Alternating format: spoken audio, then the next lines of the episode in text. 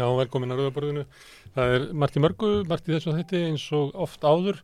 Í lokin ætlum við að fara í ráðhúsið og ég ætla að tala við uh, Sönnu Magdalenu Mörstudóttur og Trösta Breiðfjörð Magnússon sem eru borgarföldrúar sósælista um ímislegt í borgamálunum, uh, nýja könnun sem var að koma, húsnæðismál, heimilislausa, vin á hverfiskötu og kipi skólamálduðir og margt fleira.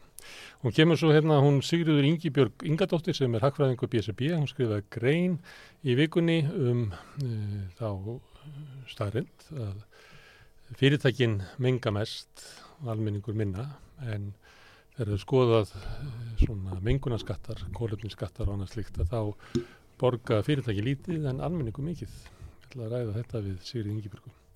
Við höfum rætt hérna um uh, svona hvað, sátta tilugur kótanemdar Svandísar Svavastóttur sem að hafa farið í ansi grítan jarðveg hjá meðal þeirra sem hafa verið að gaggrina kótakerfið þannig að mann til halda það sem er verið að leita sátt ætti að vera eitthvað skref í áttina þeim sem hafa gaggrind kerfið og, og gaggrinendunur er ekki svona einir heldur er þjóðin almennt mjög ansnúðslu kerfi. Einn af þeim sem hefur gaggrindað mikið er Arnar Allarsson sem er formaður í samband fiskframleðenda og útflytjenda. Þetta eru kótalösar útgerðir, fiskvinnsla sem að kaupi fisk á markaði. Hann er með mjög glögg að sína á, á sjávaröðunum með annað sjónarhóðun heldur en SFS og kótakallanir og ég ætla að ræða við hann um þessar tilugur hvernig er leggjast í hann. Og kannski svo staðrind að þarna er verið að gera svona tilrum til þess að festa núverði kvotakerfi endali í sessi. Það kemur hérna eftir Ragnar Þór Ingólfsson, formaður maður Við munum að ræða atbyrju dagsins sem eru miklir í, í verkefliðsbarutunni en hann lísti því yfir um daginn að hann ætlaði að sækjast eftir endurkjöri sem formaði maður og við munum líka ræða um maður og og kannski svona stöðu hans innan félagsins og skoðanir hans á verkalýts uh, reymingunni. Við byrjum á fréttudagsins hvað er eflingstal eða ríkisáttarsemeristal þrömmunni eins og sættir. Heldur betur. Já. Það er heldur betur hasar núna sko. Þetta er náttúrulega, já, þetta er alveg stórfurðulegt þetta tilbúð. Já, engi gláður. Tilbúð mæti kalla engi gláður og aðeins í fyrrvandi formaður aðeins íbúin að gaggrinda Drífa. Og drífa. Og tala, tala um þetta sem bara stór vara samt fyrir verkefliðsrefinguna mm. þannig að hérna, þetta er, já, þetta er Ég hef hlustað á hann á bladamannafundi og haldar ræður og svo var hann í Kastla séðan Já, nefnitt Ég skil ekki þessu rauk Þetta er óskiljanlegt sko. Nei vegna þess að eh, svona málamillan til að er sett fram fyrir allt er komið í þrótt og nú eru sko verkvöld valla byrjuð. Já og hann talar um að, að þetta sé miklu verið staða heldur en í fyrri e, hérna, samningum, kjara, samningum. Já, já. og lífskjara samningurinn þá fór e, eblingi í verkvöld til að mhm. knýja á um, um einhverja lausni þar. E, síðan fór eblingi verkvöld í Reykjavíkborg og gagvart sveitafélagunum og náði allstaðar mjög góða marungri og ég held að svona eftir á ég held að sé bara, fólk settir sér þessa samninga það er ekki eins og eitthvað hafi eitthvað stórkvölduð gerst Nei. núna er búið að bóða verku all Íslasótulun sem fóru nú yfir í gær mm -hmm. með eigandan sem að Emmeit. græði svo mikið að, að hérna, það er bara með engulegi líkt Emmeit. og borgar fólkinu svo skammalega laun að það er engulegi líkt heldur uh -huh. það er að vinna 360 manns það er að veru eh, á þessi sem að hótunum sem á að loka og er til þeirra eflingu sko þessi 100 manns mm -hmm. er þetta svo vá að, að þú gerir bara fordómanlösa málamiðlun að tillugu, mm -hmm. miðlunatillugu með því að taka tilbóð þessa og leggja það fyrir eflingu. Já, þetta er, þetta er náttúrulega ekki málamiðlun sko, að kalla þetta málamiðlun að tillugu ja, miðlun, ja. er fyrir, fyrir það fyrsta náttúrulega bara ránt sko, ja. rángnefni. Þannig að hérna, já, þetta er... En váinn til, eh, ég meina, hann neyðar úrraði mm -hmm. allir, hann tannar líka þannig þessi neyðar úrraði þannig að hann teikna bara upp um neyð. Hver er neyðin? neyðin er ekki neyð. Neyðin er bara svo að fyrir náttúrulega bara hérna uh, efna fólk í samfélaginu að, að þeir græði ekki eins mikið ef efling fyrir verkfall. Það er bara ekki að, að, verði kannski einhverju nögrar og rekstri einhverju sjö hótel Ég veit það er ekki hægt að selja með þessa hugmynd. Nei, ég veit það. Váin er nefnilega pólitísk. Já. Hann metur það að það sé svo mikil vá Mm í því ef að ebling heldur áfram sinni rótæku hérna verkefnisbarótu Einmitt. og það myndi skila árangri, Já. það er váin. Það er váin, sko. Þá er náttúrulega allt annað í upplausn, allir aðri samningar delur hann í upplausn og Já, eitthvað svona. samningar sem hann gerði. Með mitt. Að- skýring, ef þetta er ekki bara pólitík, ég fór að fletta upp, hver er þessi aðalstill Leifsson? Hann náttúrulega, pappans var eðalkrati og Já. hann var svona í stúdendapolítikinni. Ég held svona ég lega fyrir tíma rösku eða hvort hans er svona fyrsta kynsla rösku. Hann var Já. rýðstjóri stúdendablasins mhm, og þetta er svona, þetta er svona uppeldisstöðar fyrir samfélgíkuna. Einu sinni var alltíði flokkurinn og, og hérna alltíði bandalegi þá spratt fólk upp svona hérna og þaðan Já, já.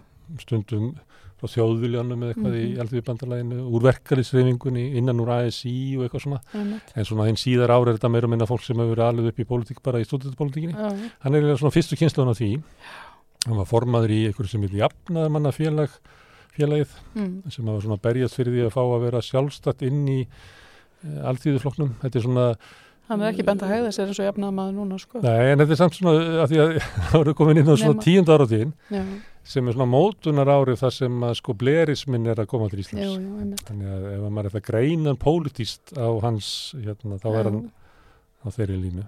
En ég veit ekki hvað þetta er pólitík En ef, ef, ef hann er svo, ef hann er pólitískur, ef hann er segjum hann sé á, á þeirri línu þá er náttúrulega hérna, hatrum barátta uh, fyrir um Já, fólk meina- sinna neflingar meina gagvart. verkalýsráð eflingar Já, við erum að finna myndina því.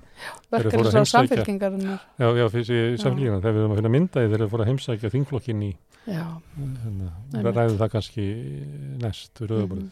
En vanalega er maður ekkert að pælið í einhverju pólitísku bakgrunni aðastins leifsunar, en þessi aðgerð Þess, þegar er hann er að tala um stórfurðuleg, stórkostlega vá Já, og það er ekkert að sjá henni efnaðslega vá bara blúsandi gangur á Íslandi allir glaðir, já, bara láluna, lagsluna fólkið á- í, Reykjavík er bara vill fara í baráttu til þess að Já. laga kjörsinn að eigi fyrir mat út mánuðin. Ég sé ekki að þetta sé eitthvað svona ég sé engan svona verið í örvingla núta þessu, nema þennan mann. Einmitt. Og þá fyrir maður að velta þér, kannski er þetta bara Já, eitthvað hann persónulegt. og, og, og hérna ferðmálur á þeirra Þú veist, það er svona Hver er ferðamálur það? Lilja Alfreðsdóttir. Lilja, Já, já Hún var búin að lýsa þessu sem einhverjum ekki. svipu göngum. Já, eins og bara líkt þessu við bara að þetta er bara, geti orðið eins og koronaviru faraldurinn ef efling fær í verkfall. það- þetta er náttúrulega bara bilun. Þú veist, hérna hlutastlega hafa verið fyrir utan Spán, það hafa verið flesti ferðamenn í Evrópu í Fraklandi mm og fyrir hvað er svona Frakland þekkt mótmæli, Já, verkfall, einmitt.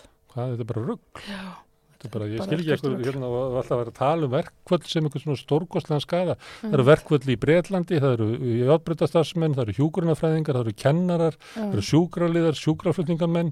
Í Fraklandi er það hérna, þeir sem að vinna við ólíuhreinsunarstöðvar, kennarar. Mhm, það eru verkvöld út um allt.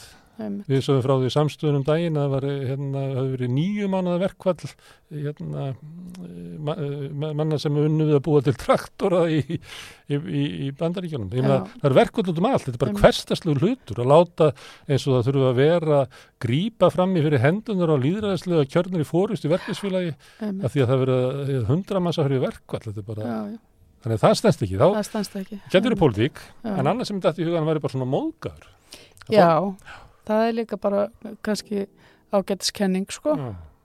Sé eftir styrsta fund hann tók til tók Já. það nú í kæslusutælinu þetta hefði nú verið sko styrsti þessi fundur væri nú á, á bara blöð sögunar fyrir að vera styrsti fundur sem hann hefði og málið var þetta var fundur sem hann bóðaði hann hafði nú lítið hérna, verið með eblingu á fundum mm og hann kaus það að í samningunum þá kaus hann það sem eh, verkstýrandi viðrannana -hmm. að einbytta sér af að láta SA semja við SGS einmitt. Þegar að, að hérna, Ragnar Þór og Vaffer mm leist ekki á hvert þetta var að fara og fór, þá gerði hann ekki til því. Nei. hann sagði ekki, herðu, nú tökum við hlje náum Ragnarinn inn, við getum ekki búið til samninga -hmm. sem að aðrir er ekki sáttir við því að markmið er að þessi samninga fari yfir til allra. Einmitt, og auðvitað getum við ekki gert samninga hérna við SG án Ragnars og allra síst án hérna eblingar. einmitt, Þannig við verðum að ná eblingun í herbergi til þess að búa til samninga sem eiga að vera fyrirmynd annara samninga í landinu. Við getum ekki búið til,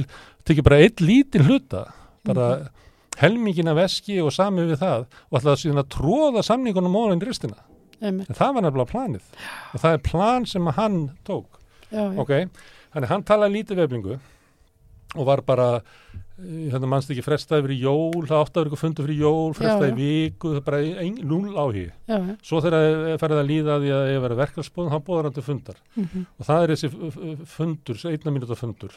Ég, ég var ekki á honum, ekki teikt á honum, nema frásagnir Halldórs Benjamin og, og Aðarsteins. já, Ég held að Solveig ekki minnst hann að fund. nei, nei, En það hljómar eins og hann hafi komið með eitthvað já, já, og maður ímyndar sér að Solveig hafi sagt, við með eitthvað? Og hann sagði, nei, ég ætla nú, svona að það var bara óþarf að tala. já, ekkurat, sem er alveg, Já, og mér mér þetta helst í hug, að því að stundum er gott að reyna að skilja heiminin eins og Shakespeare-leikrit, já, að þetta hafi bara skotið manninum eins og rakjett upp. Já, og einmitt, hann bara fór heim og samti miðlunatilugu, kemur og hann talar ekki við neitt, Hann það er stendur í lögunum, hann hefði að gera þetta í samráði við samningarnir til begja aðalega, hann það já, ekki, nei, nei, það bara kynir þetta í morgun, leggur þetta fyrir þeim eins og orðin hlut, heldur blaðamannafund, rosaleg dramadrottning eitthvað. mhm, Ég bara, er ég, þannig, veist, sko, ég, ég meina hlýtur að vera ráðurann sem að vinnumálaráðurann sem er Guð, Guð, Guðmundur Ingi Guðbærarsson já, hann hlýtur að vera alltaf fyrir þessi byttu er sáttu sem er bara í jafnvægi? Já, einmitt, allir sem hafa tjáð sig um þetta sem hafa eitthvað vitað þessu. Mhm, e, Haldur Benjamin lítur sér yfir óanægi mhm, veit ekki, þú veist, hvað fælst í því Nei. en hann svona hendir í það hann, sé, en hann talar, hann er eitt sem er mjög skynsað sem Haldur segir, hann er spurður eitthvað þessi hátursjötunum og þá segir hann eitthvað svona þetta er náttúrulega ekki gott að, hérna, að neyða samningana á eflingu. Mhm, því að við þurfum að semja við, við eflingu áfram. Einmitt, hann átt að segja á því, þetta situr bara illt blóð í samningana, já, já, þannig að næst hittir hann eflingu og líklega allt ASI og í miklu vera standi heldur en ef ef ríkisáttar sem er sleppt þessu. Já, já, En svo fór hann Efling er búin að lýsa og bara lý, lýsi yfir vantrösti á ríksátt sem er á. Og svo kemur hérna, drífa eins og þú nefndir, Já.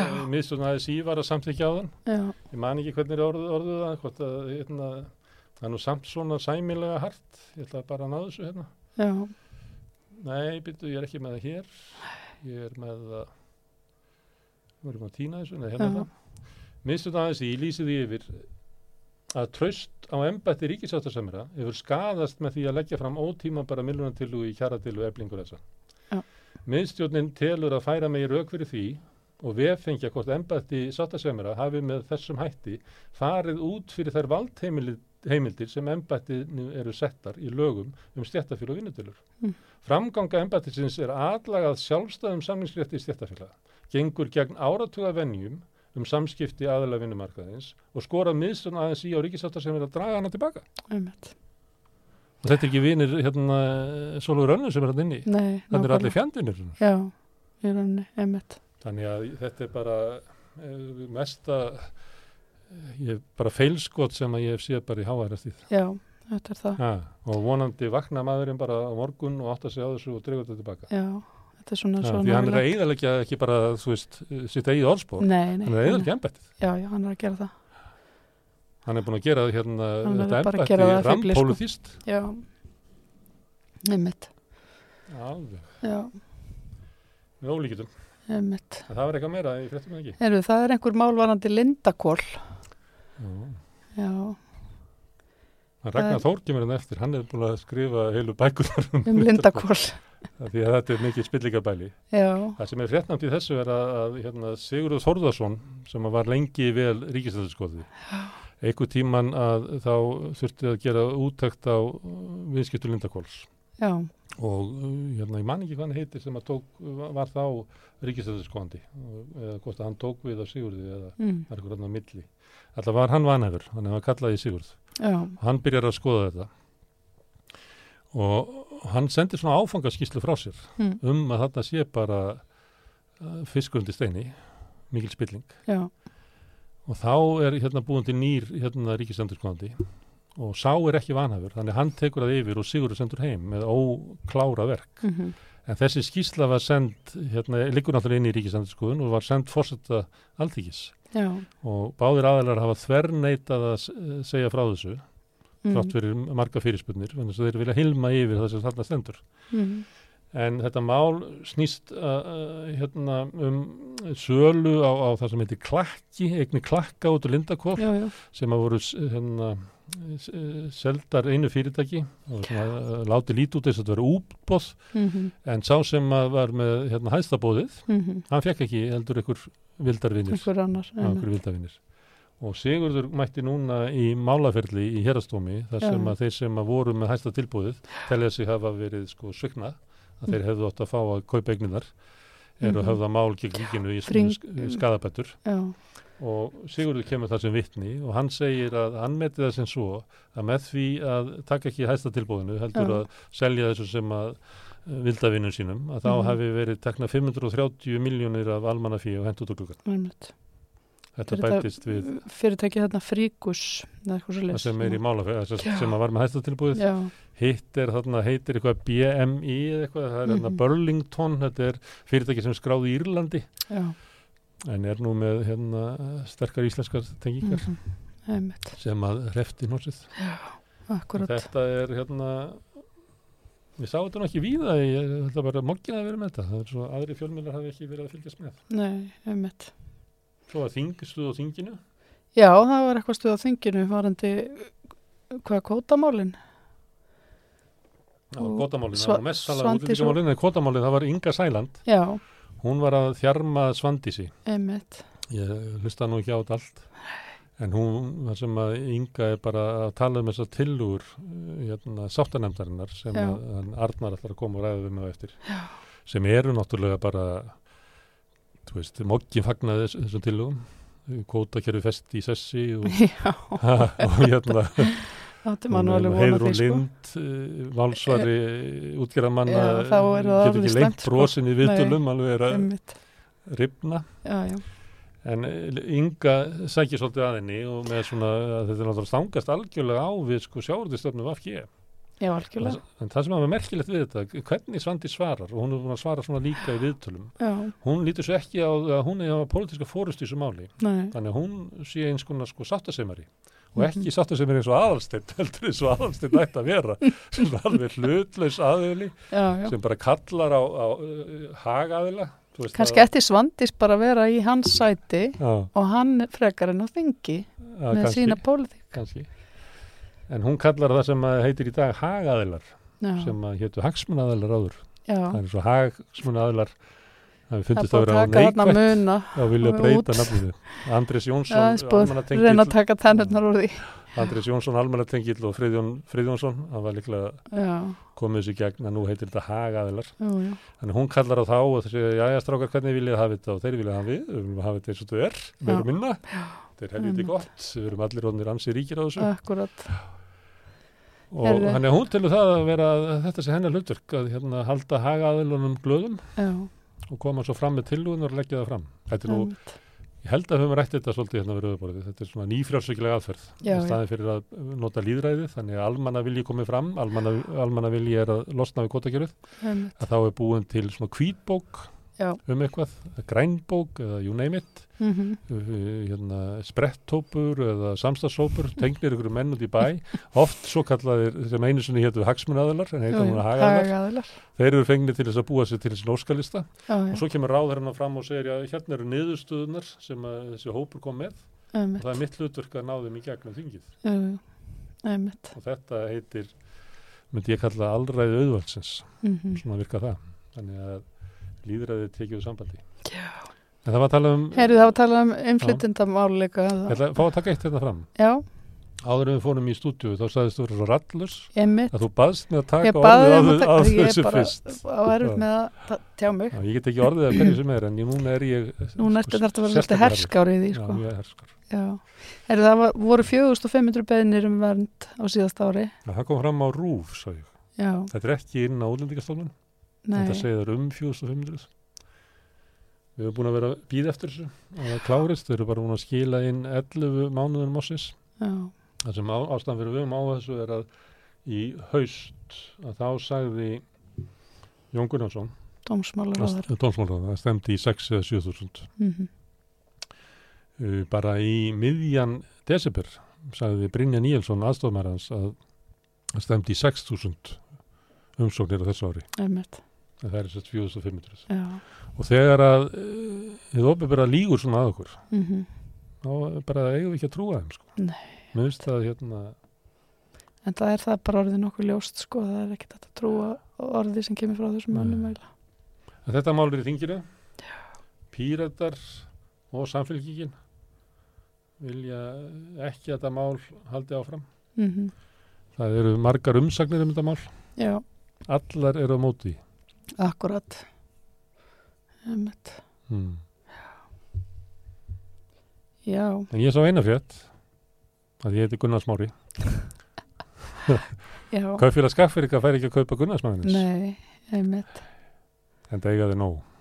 Já, Þú veist það, að þeir eru búin að vera að kaupa sko, hérna, þeir eru ótrúlega stórir í, í sko, Mat- framleyslu matvæla. matvæla. Ekki bara í kjötvislu, þetta er í nei. Mjólk og Já, þannig voru komin yfir í majónesi, þá sagði samkynstofnun, nei, bara nei, þá er ekki ekki. majónesið. Því, að, veistu, að, það er ástæðan er ekki að því að þeir eiga kjötvislunar og, og hérna, þeir keftu þarna sem hétt baula síðast eða ekki. Það ég var nefnilega ekki alveg búin að lesa þessa frétt. Þú, Nei. af hverju fenguður ekki majónisið? Það er að því að þeir voru búin að kaupa voga ítur.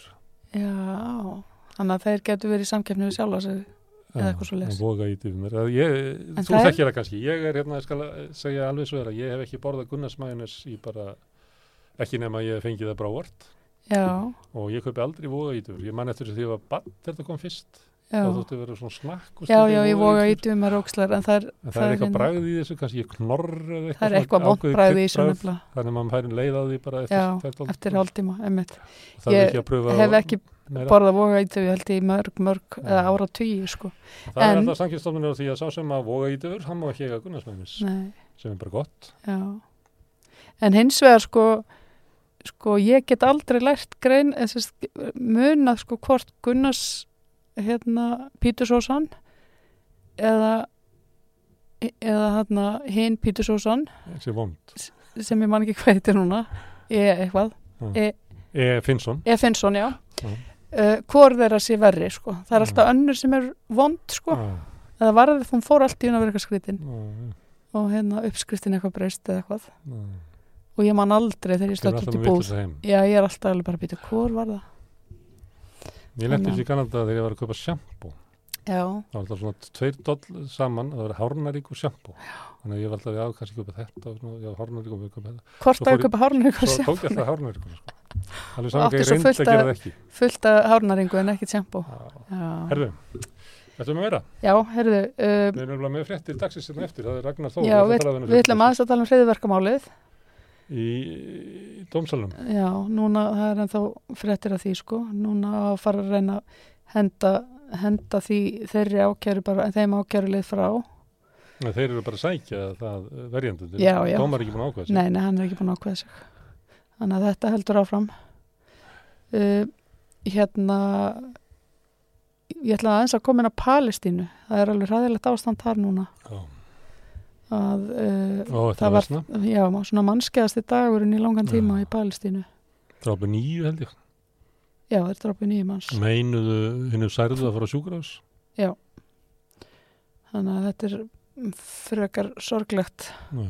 ástand já um, þess utan er held ég frettamálinn tæmd í byli Mm. Við nefndum í lokin í gær um að það væri svona auglust að væri að fara að springa út svona umræða um, um handbóltalandsliðið. Svona Já, að um- sjóði var í jafnæsi svolítið á svona meðvirkninni og nú væri farið að, að brjótast út svona gaggrinni á að, að Guðmundur Guðmundsson hefði sko gert mistök já, í stýringunni á liðinu. Og ég sá það bara um alla fjölmjöla í Já. dag einmitt, þá kemur þetta fram. þetta er svona auðvitað, eh, ég skil ekki okkur að það er svona ótti við þessu umræðu nei ha. Við ræðum um það hvernig aðalstill Leifsson stendur sig. Já, já, hmm. já hefur einhverja kenning, kenningar um óttan við um umræðuna um, ég hef talað hérna í gæri Um við hana. Steinunni Þorðardóttur hmm, sem er læknir. Hún var að segja að það var svo mikil þrýstingur að, að læknandi myndu ekki tala illa um, eða ekki segja satt frá um stöðun í heilbyrðskirinu. Því það myndi leiða til þess að færri myndu vilja vinna þar og það myndi bara verða verri í staðan. Þannig ef við mm. þegjum með vandamálið, að þá batnar vandamálið. maður ekki tala niður spítalan og allt Já. þetta Þannig það verður sagt við þau. Ef við tölum ekki um vandamálið, mm. þá batnar vandamálið. Mm. Hefur þú eitthvað þá reynslu að það sé góð aðferð? Þetta er sagt við, við fullarið fólkir í heilbyrðskirinu. og ég tek þetta bara í sambandi við er handbóllanslið það má ekki láta mig hlæja svona kvefa það er ég segi þetta í sambandi við handbóllanslið heldur að landsliðið batni ef ekki Ég- yeah. rættum stóri ef að það en hver veit sko. En svona Ég- er náttúrulega Ísland er er svo samt svona- fyllilega meðvirkt land að það stundum já, gengur það fram að manni sko. já, já, það það er ekki eins og meðvirknis í holl og góð og eftir svona verð, nei, nei, það er það ekki. Nei hmm. en það er kannski smæðin líka sem gerir okkur svona rullilega meðverk Nei, það held ég ekki. Er það ekki, en þú Nei, hittir, þetta all, að alltaf einhvern í Nei, þetta er fermingaverslunni síðan að Nei, þú ert bara að segja hérna hreint út hérna, er ekki gengst? að að ég er að vera dónalegur. Þú ert bara Nei. að segja meiningu þína. Já, já, Hvernig, þannig, auðvitað, ég held að það veri Jésús sem sagði sannleikur með geraðu frálsa jú, jú. Hann sagði ekki meðvirknin meðvirknin nei, nei, hann sagði það ekki. hann sagði það ekki, Einmitt. Ef enda því. Erum við endum á því. Höfum við þessi reglu að í sannleikurinn gerir þið Jésú, frálsan þá skiptum við um dagskalið Mhm. Herðu, við ætlum að taka bara örstutlíja því að Ragnar Þór Ingólfsson formaði Vaffer kemur hérna og við ætlum að halda áfram að ræða um atbyrðu dagsins en við ætlum líka að ræða um verkefnsreifinguna og Vaffer og um Ragnar Þór.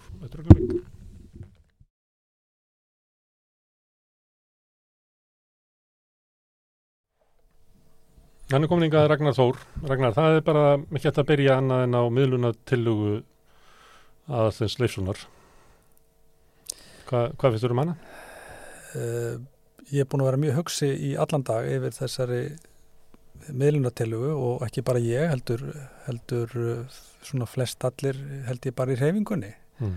vegna þess að, að uh, þetta er eiginlega yngripp sem að held ég fæstir áttu von á Mm. sem að starfa á þessum vettvangi. Gefur svo þrjum úr heiðskilóði.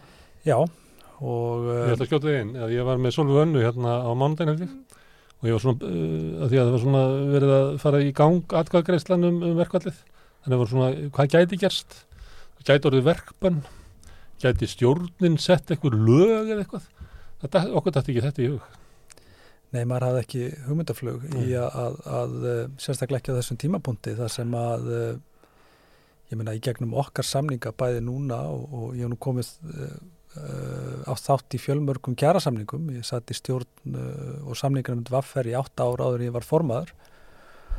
Og uh, þetta hefur ótt verið rætt en, en, en, en aldrei hefur mér fundist hvað ég segja deilur eða viðræður verið komnar á það stig að, að þessu úrræði sé beitt og í sögulegu samengi þá hefur miðluna tillögum ekki verið beitt nema, segja, með, nema með samþykki eða, eða, eða vel uh, upplýstu þegjandi samkómulegi bækja aðila Mm. sem að hérna auðvarslega ekki í þessu tilfelli Mm. og það sem að maður Það er ekki því máli því þá átt að segja það að, að miðlunan til hann kemur fram þegar að deilu aðlar eru á því að við erum bara ekki að við erum ekki að sjá eitthvað framhald að þessu.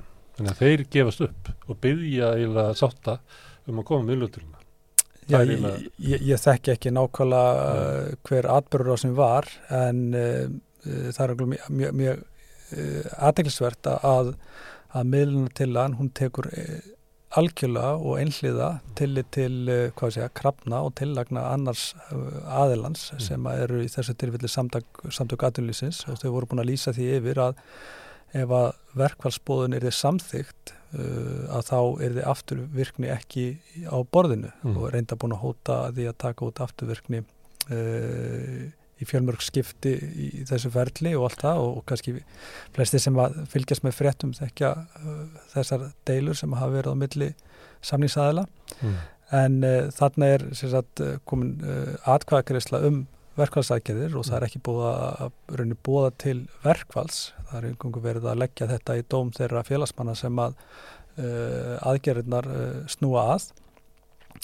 Og þessi tímapunktur og þessi tímasetning hún uh, ætti að vera öllum stjættafélugum mikið áhyggjafni og, uh, og þetta snýst í sjálfur sér ekki um eblingu eða, eða, eða þá vegferð sem eblingu er, þetta snýst um rauninni uh, hvað að segja, uh, samningsrétt allra stjættafélaga Mm. sem að starfa á íslensku vinnumarkaði, hvort sem að séu á almennum markaði eða hin, hjá hennu ofnbyrra og öllum þeir sem ég hef heyrti í dag það er bara, er bara mjög þungt hljóð í fólki og, og uh, við vorum að funda núna í miðstjórn frá klokkan 5 í dag og, og, og, og kláruðum bara núna rétt um halv 8 Já, litið í ég las kvöld hann nú upp megnunum til hérna og. Og uh, það hlýtur að, að segja sitt að miðstjórn uh, sem að er samansett af, af aðilum sem hafa deilt undarfarið Mm.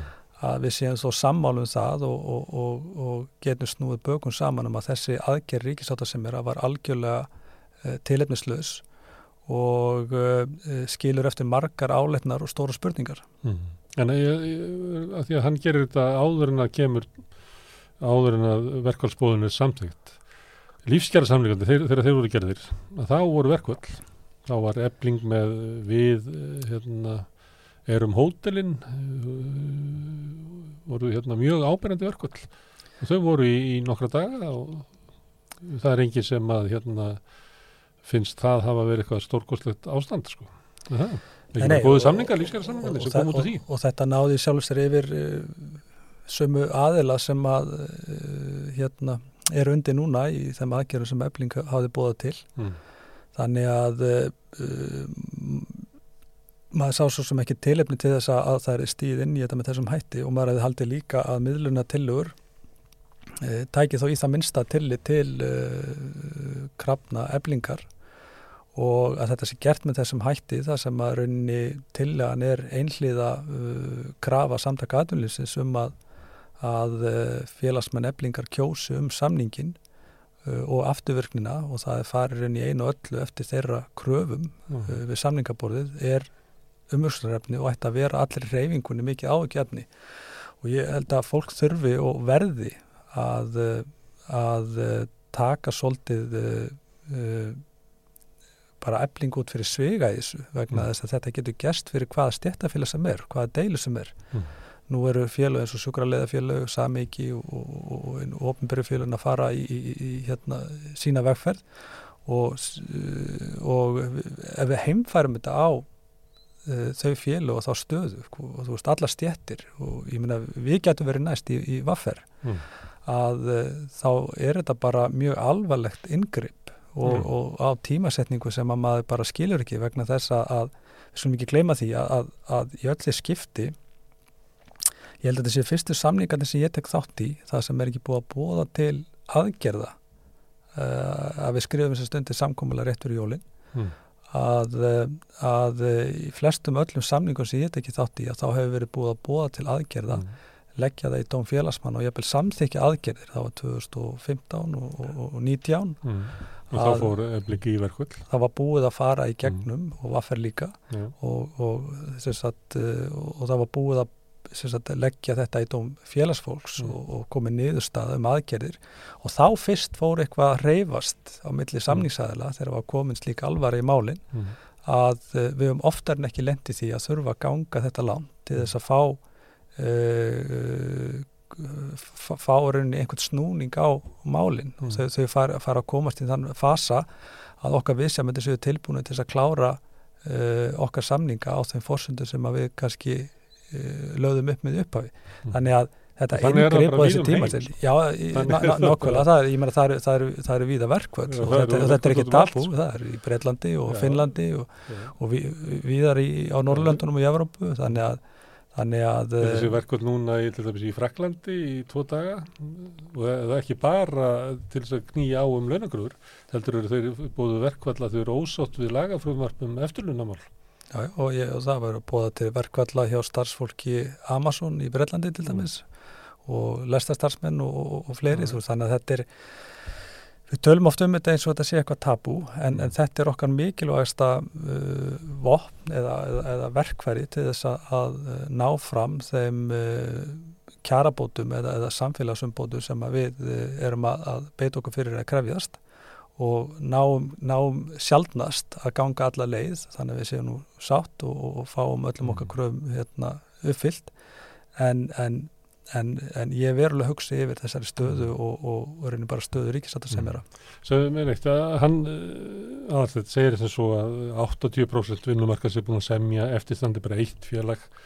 Uh, það var samið um erfiðleik í erfiðum viðræðum en, en þú er nú að segja að það hafi ekki eins og verið búið að bóða til hérna, aðgerða þannig að það hefur verið ekki erfiðar að þvíleitinu en inn í þessu herbergi og allt þetta og hann tók þátt í þessu og eitthvað svona. En það er eitt félagi sem er eftir sem sættis ekki við þetta og vil fara eitthvað meira. Hann stillir svolítið upp eins og það sé eiginlega bara fráleitt staða. Er það svo innan úr, heimi, innan úr heimingunni? Nú áttum ég alveg því að sá sem var kannski samdinn í herberginu, hann vil svona, hann er ekkert, hann vonar ekkert heitt persónulega að, að sá sem ekki fer á eftir og fær meira, veist það er svona erfitt fyrir hann að koma til sinnafélaga og eitthvað svo leiðis. En er það ekki samt svona að þú horfið bara við söguna að árangurinn er oft náður með því að það er eitthvað sem að finna lengra og eitthvað flirra og endan þá græði allir á því. Er það ekki svona samileg uh, skilningur reyfingarnar að það sé ekkit að því eða eitthvað félag vill halda áfram þá er það bara gott eða hvað, er það Sko, slæmt? Í, í fyrsta lagi þá eru samningar eflingar, þú veist það er alltaf að tala þannig að þetta séu einu samningandi sem er eftir en það er Mm. bara fjari lagi, ég meina eins og ég sagði á hann, sjúkrarlega er, að- er að hefja sinna viðræður og, og, og, og, og samengi með, Mm. og, og fleiri félagi hjá hennu ofnbera Bankamenn, þeir eru Bankamenn, já, þeir eru, eru ósottir og, Mm. og, og hérna en, en ég man ekki til þess að það hafi verið gerð einhver sérstu krafa um að læsa aðra inni ef að við uh, náum einhvers konar samkúmulagi Mm. og uh, ég held að það sé bara almennt ekki svo vegna þess að ég, ég hef litið þannig á og ég veit að samninganemndu vaffer er sama sinnis að uh, ef að aðrin á árangri að þá er það ákveðin farvegur sem að verður að riðja fyrir okkar kröfugerð uh, í næsta samningi.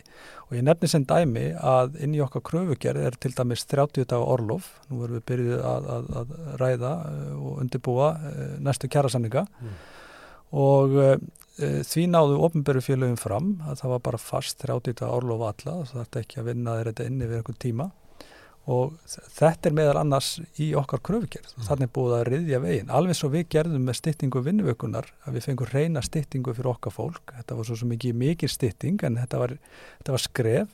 Og ofnböru félögum ganga á eftir og fá uh, ná betri árangri á þeim grunni sem við uh, lögðum. Mm. og við uh, ætlum síðan að, að nota þann grunn og, og fara fram með frekari styttingu vinnuvökunar í næstu kjærasamningum. Mm. Þannig að Þannig að þú gerir ekki kröfu um það að fá engin meira heldur en þitt tólk Alls ekki og ég, þetta er bara einhver, einhver algjör tilbúningur að hálfu bæði samtaka atvinninsins og, og þá ríkisáta sem er að, ef, að við á að, að, að það sé einhver krafa af okkar hálfu að, að, að það þurfa að læsa alladra inni e, undir okkar samningum. Þetta er bara algjörlega fráleitt. mm. Hvernig, hérna hvert fer þetta?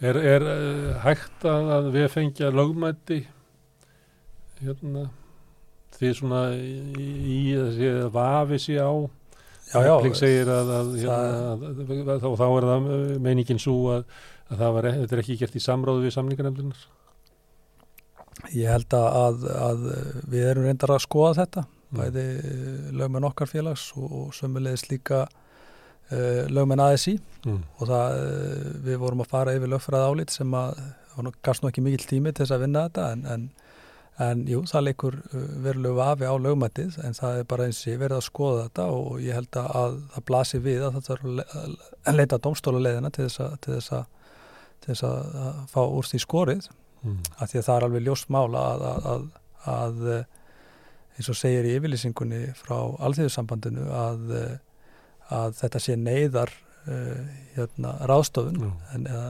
neyðar úrræði Mm. og uh, það er á engan hátt hægt að, að raukstiða það að uh, málin voru komin í þann hnút að það hefði þurft uh, að fara þessa neyðar úrræða leið Mm. sem að ríkisátt sem er fer og klárt að þetta stangast á við söguna hvernig svo hefur verið beitt það, það, það gerir er það, það gerir það, þetta er mjög Hvað leikur þetta baki? Við vorum eitthvað að reyna, ég og Marja vorum eitthvað að reyna að ráði þetta. Því að það er ekki hægt að færa rauk fyrir því að þetta sé eitthvað svona efnaðsleg vá. Þú veist, þetta er verkvall sem að hefði hérna skada starfsemi sjö hótela í Reykjavík. Það er ekki er ekki neyðarástand það er ekki efnaðslegt neyðarástand sem að kallar á yngripp og þá fórum við að velta fyrir me- me- metur maður eins og svo að þetta sé pólitísk vá að hérna að ef að ebling með sína rótæku verkefnis bara áttu færa að sprikla að það geti bara riðlað samfélaginu? Ég, ég, ég uh, kýsa að svo sem að fabúlar ekki um uh, hvað býr hann að baki en, en það er augljóslega uh, hlýtur að vera einhver þrýstingur vegna þess að að, að maður bara sér ekki hendi sér að, að þetta hafi bara komið bara upp á þörru að, að, að ríkisáta sem er í ákveður að fara þessa leið. Ég Þá almenningur sko að þetta er ennbætti þá alveg einhver rétt á að vita það. Hver ringdi í ríkisendurskóðanda síðustu viku? Var það einhver á ráður honum? Já, ég, ég, ég, ég skal, ég er náttúrulega gett enga veginn svara því en, mm. en, en, en auðvitað eru mörgum spurningum ósvarað, spurningum sem að uh, ríkisáttasemiri þarf að, að, að gera skila og, og svara, þannig að að blasir alveg við að málun er ekki lokið. Nei, herðum Ragnar, hérna, þetta búið að viðbörðuríkt haust og hérna síðast þegar við rættum saman ekkert um að fyrir jól og þá spurði ég hvort að þú ætlar að fara fram sem í formarsframbóð í Vaffer aftur og þú sætti alltaf að hugsa þegar jólin. Þú er búin að hugsa. Búin að hugsa að já. Og, og þú ætlar fram. Já. Hvað hvað varstu að vega og metta? Uh, það er það er margt og uh, kannski fyrst og fremst það að uh, sýta þessari mikilvægu stöðu eða sinna þessari mikilvægu stöðu í okkar samfélagi að stýra stærsta stéttafélagi landsins því fylgir mikil ábyrð og gera þetta þenn krafti sem að ég kýsa að, að gera þetta að þá þarf ég að hafa bæði trú á því og, og orku og uh, þarf að vera stendur í verkefnið mm. að því að eins og sé ég vil frekar stiga til hliðar um, heldur en að gera hlutina með halvum hug mm. þannig að ég hef bara uh, sé, ég, ég brenn algjörlega fyrir þessu og ég held mm. að ég hafa nú sínt það í verki í þau ár sem ég sínt þessu embætti, maður, maður er vakin og sofin yfir þessu Svo er aðrættir náttúrulega að verða kjörinn og fá trú fjölaða sinna Já, og orkuna sem það gefur. Já, sjálfsögðu og mm. það, það, það gerir það líka. Þannig að, þannig að fyrir mér er þetta ekkit bara sko, að, fyrir mér er þetta ekki einfalt mál að, að gefa sig í þetta í annað kjörtempil. Þetta eru ákveðna fórnir, mm. bæðið kakvart eh, fjölskyldunni og, og, og, uh, þú þart að vera í þessu frá mótnundi kvölds og þú þart að vera í þessu í fríinu og maður er með hausin við þetta og það getur stundum tekið á að, að, hérna, að vera ekki með hausin til staðar með fjölskyldunum og börnunum og þeirra hérna, hérna, þeirra áþarfa að halda.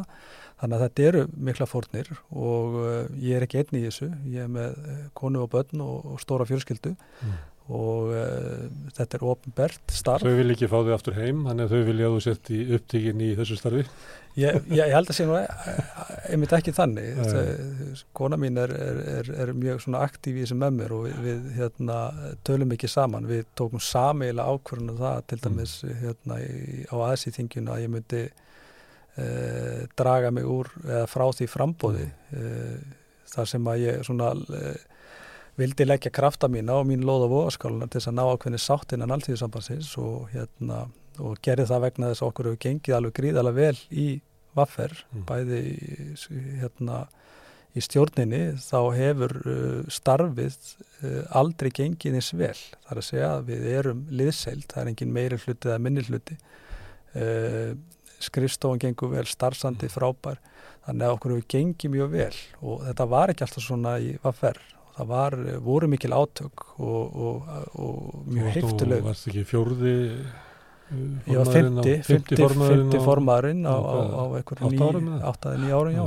Þannig, að, þannig að það hafi verið mikil átökunum félagsins og það hafi gengið mjög vel og mér langar að, að nota þessa reynslu að, og það sem við höfum verið að byggja upp á vettvangi vaffer eh, inn í alltíðsambandið vegna þess að ég taldi mikilvægt að reyna eh, ná ákveðnum breytingum innan alltíðsambandi sem mm. þrýsti afl uh, okkur hefur ekki tekist að uh, vera nægilega öflug eins og við berum okkur bara sama við viðskiptar ef við berum okkur sama við önnu þrýstöfl eins og viðskiptaráð og, og samtök aðunlífsins yðnar eins og, og hvernig þau vinna og hvernig þau lobbya og þrýsta sínum málum fram að uh, þá er samanburðurinn, ekki sérstaklega góður. Mm. og semlega líka að, að reyna saman að reyfinguna undir þessum hatti. En þú ert að fara fram í Vaffer. Já, en ég bara útskýra, þú veist hvað ég vi- vildi gera vegna Já. þess að, að það sem að okkur hefur tekist að gera í Vaffer er, er mjög merkilegt með hvernig staðan var á félaginu fyrir ekki svo mörgum ára síðan. Að þá fór rosalega orka í einbyrðisátök núna er öll orkan í sömu átt. Uh, eins og sé, það er engin me- meiri hluti eða uh, við eh, erum liðseild og, og það sem að það gerir fyrir okkur er að við getum unnið miklu fleiri málum brautakengi, við erum að gera miklu meira, við erum að vinna með uh, öðrum þrýstu hópum og, og, og hérna, Mm. félagsamtökum sem að vinna í almanna þáu eins og neytendasamtökunum, landsambandi eldri borgara og erum að núna fara í samstæð með píetasamtökunum og við erum að gera bara fullt af Mm. hlutum sem að gagnast bæði okkar félagsmönnum og samfélaginu að Sækist Sæki eftir stuðningi stjórnar áður og ferði í frambóð? Eða er það ekki... Eh, ég, ég, ég, sko, ég hef alveg stuðning stjórnar Ok. það, það er, og hún, hún hefur líst því yfir og, og, og það er líka gagkvæmt uh, minn stuðningu til uh, stjórnarinnar Mm. og stjórnamanna er alveg skiliru slöðs vegna þess að það, það hefur ekki borið neitt skugga á þetta samstarf og hvernig við höfum unnið saman og það held ég að sé bara mjög mikil vermaðt í því uh, hvað félagsmenn kjósa síðan, það verður bara komið í ljós Mm. En þegar að fólk fer fram í frambóð til formans í verkefnisfélagi, er það þá þannig að segja, ég hérna, býð mér fram í undir næstu tveggja ára og ég ætla að gera þetta. Ég ætla að byggja þessa blokk, ég ætla að ná uh, þryggja ára samningum sem eru verða stórkostlegu fyrir okkar félagsfólk og ég ætla að gera, er, er það þannig? Jú, er, ö- er, ö- er lofórð eða er þetta svona persónukostningar að ég er geður maður?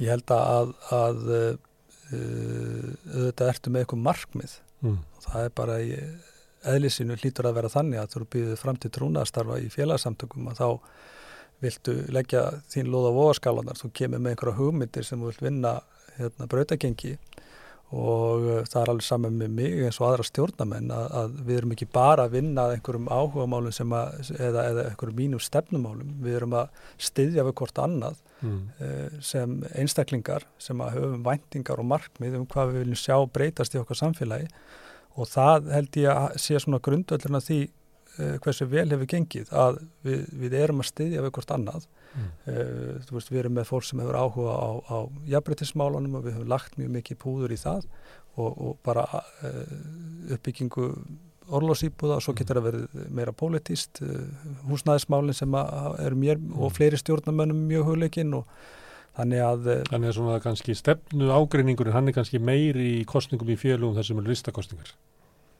Heldur en í þar sem eru persónukostningar eins og fyrir. getur verið en eins og ég sagði á þann að, að, við, þegar við breyttum uh, lögum félagsins 2009 uh, og opnum rauninni félagið, líðræðis vættum það og það er mjög virkt líðræði í félaginu, það er kosið í formanskjörið á tveggja ára fresti sem, ég, sem að þú þarf að leggja þín störf í dóm félagsfólks og það þurfa stjórnamenn líka að gera þannig að, uh, þannig að það hafa alveg verið átök Mhm. þó að það sé ekki listakostning en, en uh, bara okkur hefur gengið mjög vel að, að starfa saman og það getur breyst. Auðvitað getur það breyst og það geta orðið átök en, Mm. en, en, okkur hefur allavega gengið vel að vinna saman og, við, og ég held að flestir vilja halda því áfram Þú veist mótframbjóð síðast, ekki þar síðast. mm. Uh, býst ekki við að fá mótframbjóð núna? ég veit að ég þannig að Nú, nú veistu hver það er það? já, já, ég veit hvað það er Nú, og, og það verða uh, öllu líkindu fleiri en eitt nú.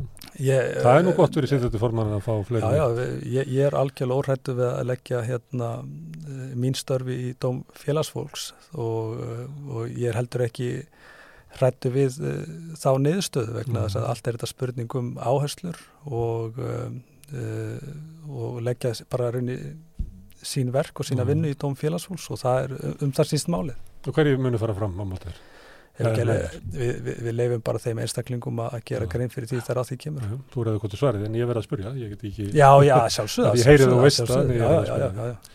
Herðu, þá fyrir við hérna í næsta ring sem að er aðeins í. Það var frestað þingið þar sem að Mhm. þú og, og félagðinni genguð frá borði og þú líst því yfir að þú hefur dreigið frambúðið tilbaka. Með því að þú setja bjóðið fram núna í, til formans uh, vaffer, þá regnaði með að þú ætlir ekki bjóðið fram til fórseta alltíðsarbasis. Auðljóslega ekki. Það er, það er, það er, uh, þú býður ekki fram í, í, í til formaskjör í staðista stéttafélagi landsins og, og alltaf svo sækjum aðra vinnu eftir. Þannig að... Davíð Ótsson gerði þetta þegar hann var borgastöri, svo var hann fórun frá borði innan við árið síður. Já, en, en, en uh, þegar ég lappaði frá uh, þessu frambóðu mínu á allþýðisambastinginu að þá uh, var alveg ljósta að, að uh, ságlöki eða súhörðu lokaðist. Og, og hvernig verður þá þetta þegar nú þarf að koma saman þessu frestaða þingi, mm -hmm. núna einhvern tíman í vor, ekki setna heldur en bara strax eftir páska eða eitthvað. Hvað umkvæmum það þing þess núst? Það verður að finna ykkur fórust það verður að gefa ykkur um svona óskúrað umbóð til þess að leiða þess í eða hvað. Á að bara að trimma þess í niður og, og gema það upp í hillaukuninu Já það er nú heljarina verkefni sem er framöndan og um, það er allþjóðsambandið er í djúburi hólu og það er klopningu þar inni. Uh, eina sem ég get sagt er að ég mun leggja mín loð á þær voðaskalari að reyna að, að þrýsta hópnum saman og ég held að bara þessi áleiktun út af, út af uh, uh, þessari miðlunum til sátarsemjara að miðstjórnin hafi þó eh, tekist að, að saminast í kringu það. Aðalstinni það að hafa saminast að þessi? Já, ég, ég, ég ætla nú samt að hérna, fara að valla í þakkaræðina en, en, en við erum bara að vinna í þessu og, og uh, Kristján hefur staðið þessi ágætla í að leiða þetta verkefni og þetta er mjög krefjandi og það er, mjög, það er mjög krefjand að vera í aðstæðum þar sem eru innbyrðis átök og uh, maður óskar engu þess að vera lengi í, í slíkum aðstæðum en uh, við erum að... Þá gerist það sama, þeir eru svona mjög já. þá gerist það þannig að sko hópurinn er ekkert að reyna að ná sko stefnumóndandi hérna nýri stefnu í lífriðsjóðsmálum eða eitthvað slíkt, heldur þá bara oft verður að þannig að það er bara reynd að halda þessu gangandi komið og bara nógu litla skamta þannig að, að kannski er ekkert átöki meiri ef að allur hópur veit að það er ekki bara aðeins ég er ekki standi til þess að taka einhverja stefnbreytingu það getur bara lulla áfram.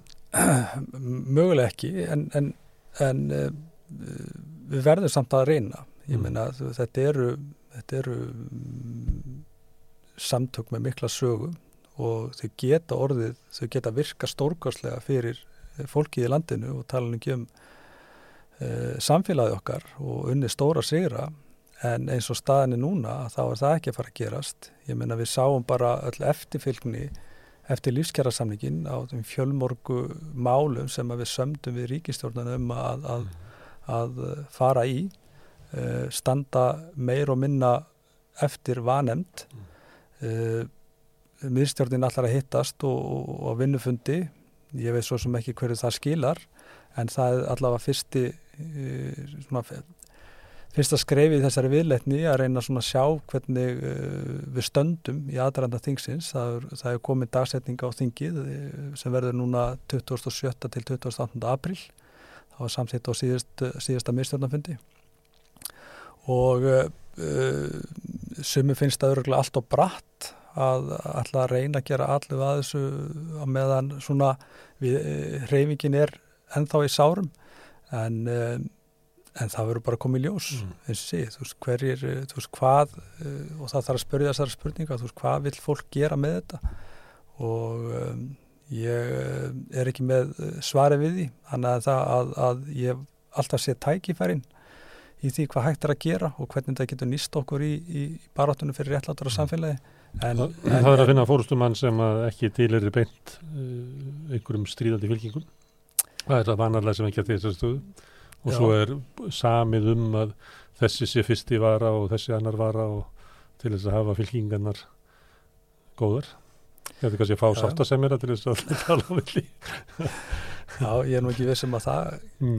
væri góð hugmynd en, en Það er eitthvað svona vinna sem verður að fara að sjálfsögðu, það, það, þarf, það, það þarf að að, að, að vita fyrir af ágreiningnum, hann er þarna, hann er ekkert að fara og það verður að ná aðeins í saman með ágreiningnum það þarf að finna ykkur að lusnir á þessu og, og, og uh, ég, ég fer nú bara eins og sé, ég, ég sé styrkleika í öllu í kringum mig, ekki veikleika og mm. ég sé greiðalega tækifæri í alltíðu sambandinu til framtíðar en, en, en hvort aðri sjá það verður bara komið ljós og, og uh, ég fer bara vongóður og bjart sinni inn í þessa vinnu en, en síðan bara hver niðurstaðan verður er ómögulegt að segja.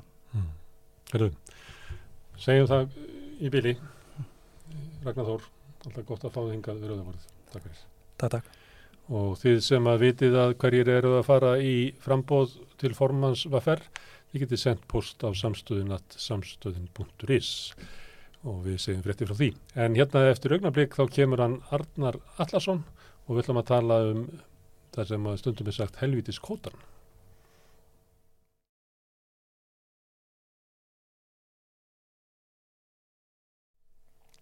Herðu, það er eh, sáttanemt Svandísarsváðstóttur í sjáurðusmálum skilaði af sér tillugum núna í síðustu viku.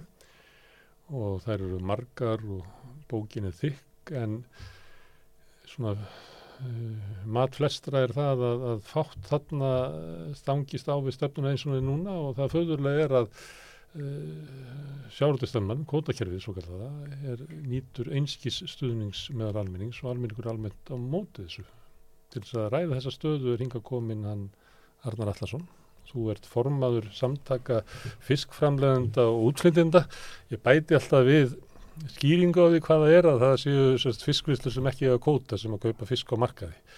Það er svona nærið þessu sirka þannig að þið eru ekki eins og SFS sem er samtök kóta greifana Stundum sagt að samtök fyrirtækja í sjáurdu séu svona eins og samtök útgerða fyrirtækja sem að eru svo líka með vinslur af því að hendar þeim aðeins betur og lítur betur út. En við erum engöngu fyrirtæki með vinslur Já. og lifum á sérhafingu þar eins og þú lístir ágætlega. Hvernig hérna hvernig leggjast þessa tilúri í þig? E, Þú hefur nú eitthvað tekið þátt í þessu Nei, við sko tökum nú afskaplega lítið þátt. Það þú hefur sérst á myndum? Já, já, ég, já. ég myndast vel, þannig að það er kannski þess vegna sem að... Þetta er svo að Artur Bóasson var hérna, hann er líka, hann væri bara notaður hérna og væri, væri bara myndum. Sko, uh, þessi hérna... En nú er þú stór, stór hagaðili, þú heitar ekki einhver hagsmunnaðalar, þú er stór, hérna, þið eru stór hagaðili í sjálfur því, okkur er þið ekki luta nefndinni? Eh, það er kannski alveg ágætt skýring á því að við erum náttúrulega fyrir það fyrsta lítill hagaðili, við erum Já. fáir aðilar og, og litlir í samanbörði við stærri aðila í greinni og, og samtíðöpunni hefur verið mikil og þar að leiðandi aðilarnir orðið mjög stórir. Og hinn skýringin sem að mér finnst alveg ágætt hjá Svandísi er að auðvitað á að íta hagaðilunum svolítið til hliðar og kalla til sérfræðingahópa eins og er gert í þessu tilfelli. Mm -hmm. Sá hluta vinnunni að mínu viti er góður, aukið vægi, embætismanna aukið vægi sérfræðinga og svo eru við kallaði til, ég menna framöndan er, þetta eru frum tillögur mm. og framöndan eru umræður um þessar tillögur. Tillögunum er til dæmis skipt í tvent, það er sem sagt eh, til, eh, kynnt hérna, sem sagt að hér er tillaga til úrvinnslu og svo er þeirra uh, líka með tillögur til umræðina eða mm. tillaga til umræðu mm.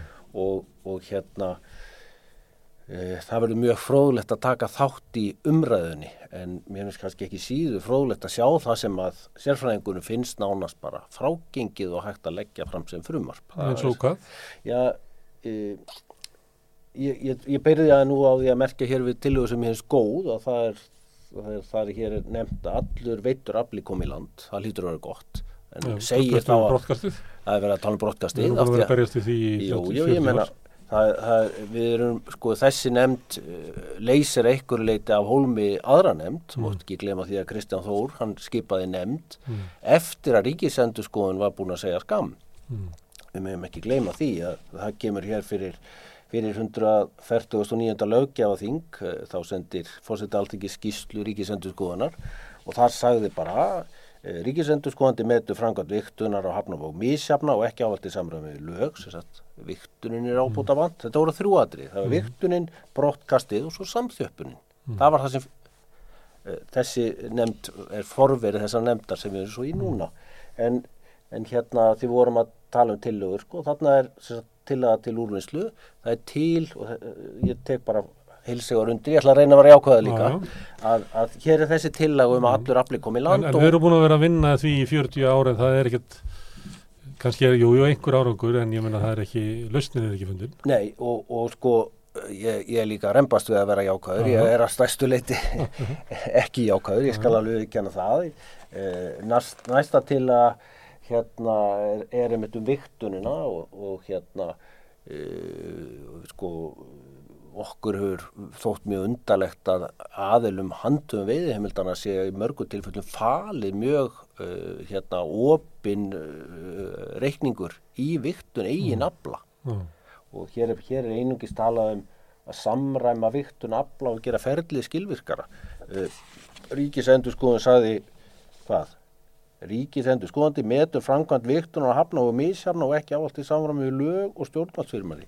Mér finnst þessi til að ekki neinu samræmi við þetta. alvarleikan, það sem Alvarleikan, nei, enda. Þannig er þetta komið upp á eitthvað svona stík. En svo ef við höldum áfram sko, þá er mjög einkennilegt í þessum tillögum öllum að, að hérna, það er eins og allt sem heitir félagslegt.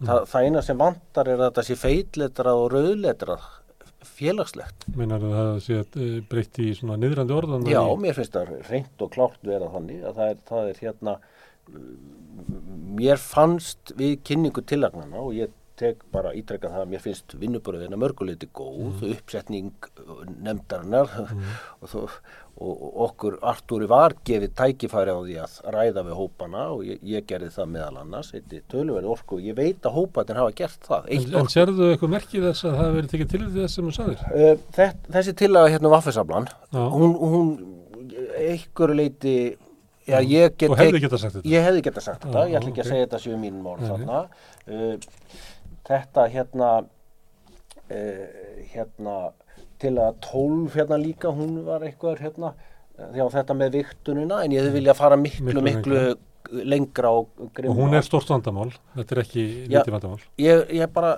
tek mér Já. orð ríkisendurskoðanda í munn það eru þessi þrjú atriði og, og hérna ég get svo hér aftar þar er talað um það er ekki talað um samþjöppun sem ríkisendurskoðandi talar um að sé Mm. að blasi við og, og mér finnst það líka og, og, og okkur í okkar samtökum. En þannig bara verið hér í tillögunni að tala um mjög svona mildum rómi um tengsl. Ekki endilega með neikvæðu formerki eins og samþjöppun er klárlega. Mm. Má ég fyrir þá sem ekki skilja okkur þetta með viktunina skiptir máli, getur þú líst í hver er svona uggur manna um hvernig þetta væri misnotað þessi stað, Eh, á þess að setja að ásaka ykkur tildekina, þannig að bara Já. fólki fatti það á hverju þetta er mikilvægt mál. fólk getur farið inn á fiskistöðu.is Mm. þar er uh, reglulega gerð útækt á sem sagt uh, uh, hérna því sem er kallað yfirstöðu það er sem sagt þegar embættismadur kemur Mm. og, má, og fylgist með viktun hérna Aflans. Hjá uh, hlutaðeigandi sem er þá í flestum tilfellum að landa hjá sjálfum sér. Já. sem sagt er útgerðamaður og með vinslu og, og Hlutfalla á afla og ís og Akkúrat. hann skoðar þetta. já, að, að, að þú borgar einungis kvóta fyrir aflan en ekki ísin eða vatnið eða, eða slóvatnið eins og talar um. Og, og þar eru sko, þetta er, má líka þessu við þegar lauruglumaður er að taka eitthvað sem sagt bara með radarmæli eða, sem sagt við radarmælingar að það er bara viðvarandi mismunur á þeirri viktun og svo viktun sem að gefin er upp þegar ekki staði yfir viðkomandi aðilum. Og í okkar huga er, er þetta svo stórkostleg brotalum að það ætti bara að leggja þetta af. Og þá áttum við kannski segjum að sé viktað í körum, eitthvað sem bara þú dæmi, að þá þegar að þeir eru að vikta sjálfur að þá eru bara 750 kíló í karinu, svo þegar ykkur horfir á það, þá eru 900 kíló. Já, það, það er, það, það, er búið að, það er búið að sína fram á, á tilvik og, og þetta er ekki, þetta er ekki svona undatekningatilvik Nei. eða eitthvað slíkt, þetta er viðvarandi, þetta, er, þetta er fast trend. Og, og, og þetta uh, í svona hættugreiningu eða slíku, þá myndi þetta gera tölurnar ekki lengur absolutt eins og er verið að hugsa þær í öllri fiskveðistjórnun og öllu allir meðhöndlum höndlum gagna. Og þess vegna segjum við og höfum ítrekka bent á það að þá að spara allt þetta fargan og sleppa því að vera með aðra viktun það á bara að vera ákveðin rammi um hvert ísmagn megi vera eða geti verið. Ef þú vilt nota minna þá ert að rýra gæði aflans og svo framötu göttuna þetta er bara að vera að búa til eins og ríkisendur skoðun kemst að það það er brotalöfum í kerfinu. Og mér finnst hérna vanta svolítið inn í þessa vinnu eh, að hugsa til skýslu ríkisendur skoðanar hún er ekki svo gömur, hún er bara frá 2018 Já, lítið breyst. Eins og hérna stundum er sagt svona nice to have og must have og svona ríkisendur sko er að tala um þetta sem mikilvægt Mhm. en í, í þegar þetta komið í gennum nefndina að þá var þetta svona ágætt að það væri hægt að laga þetta. Já, ég Það vantar meina svona alvarleikan í þetta.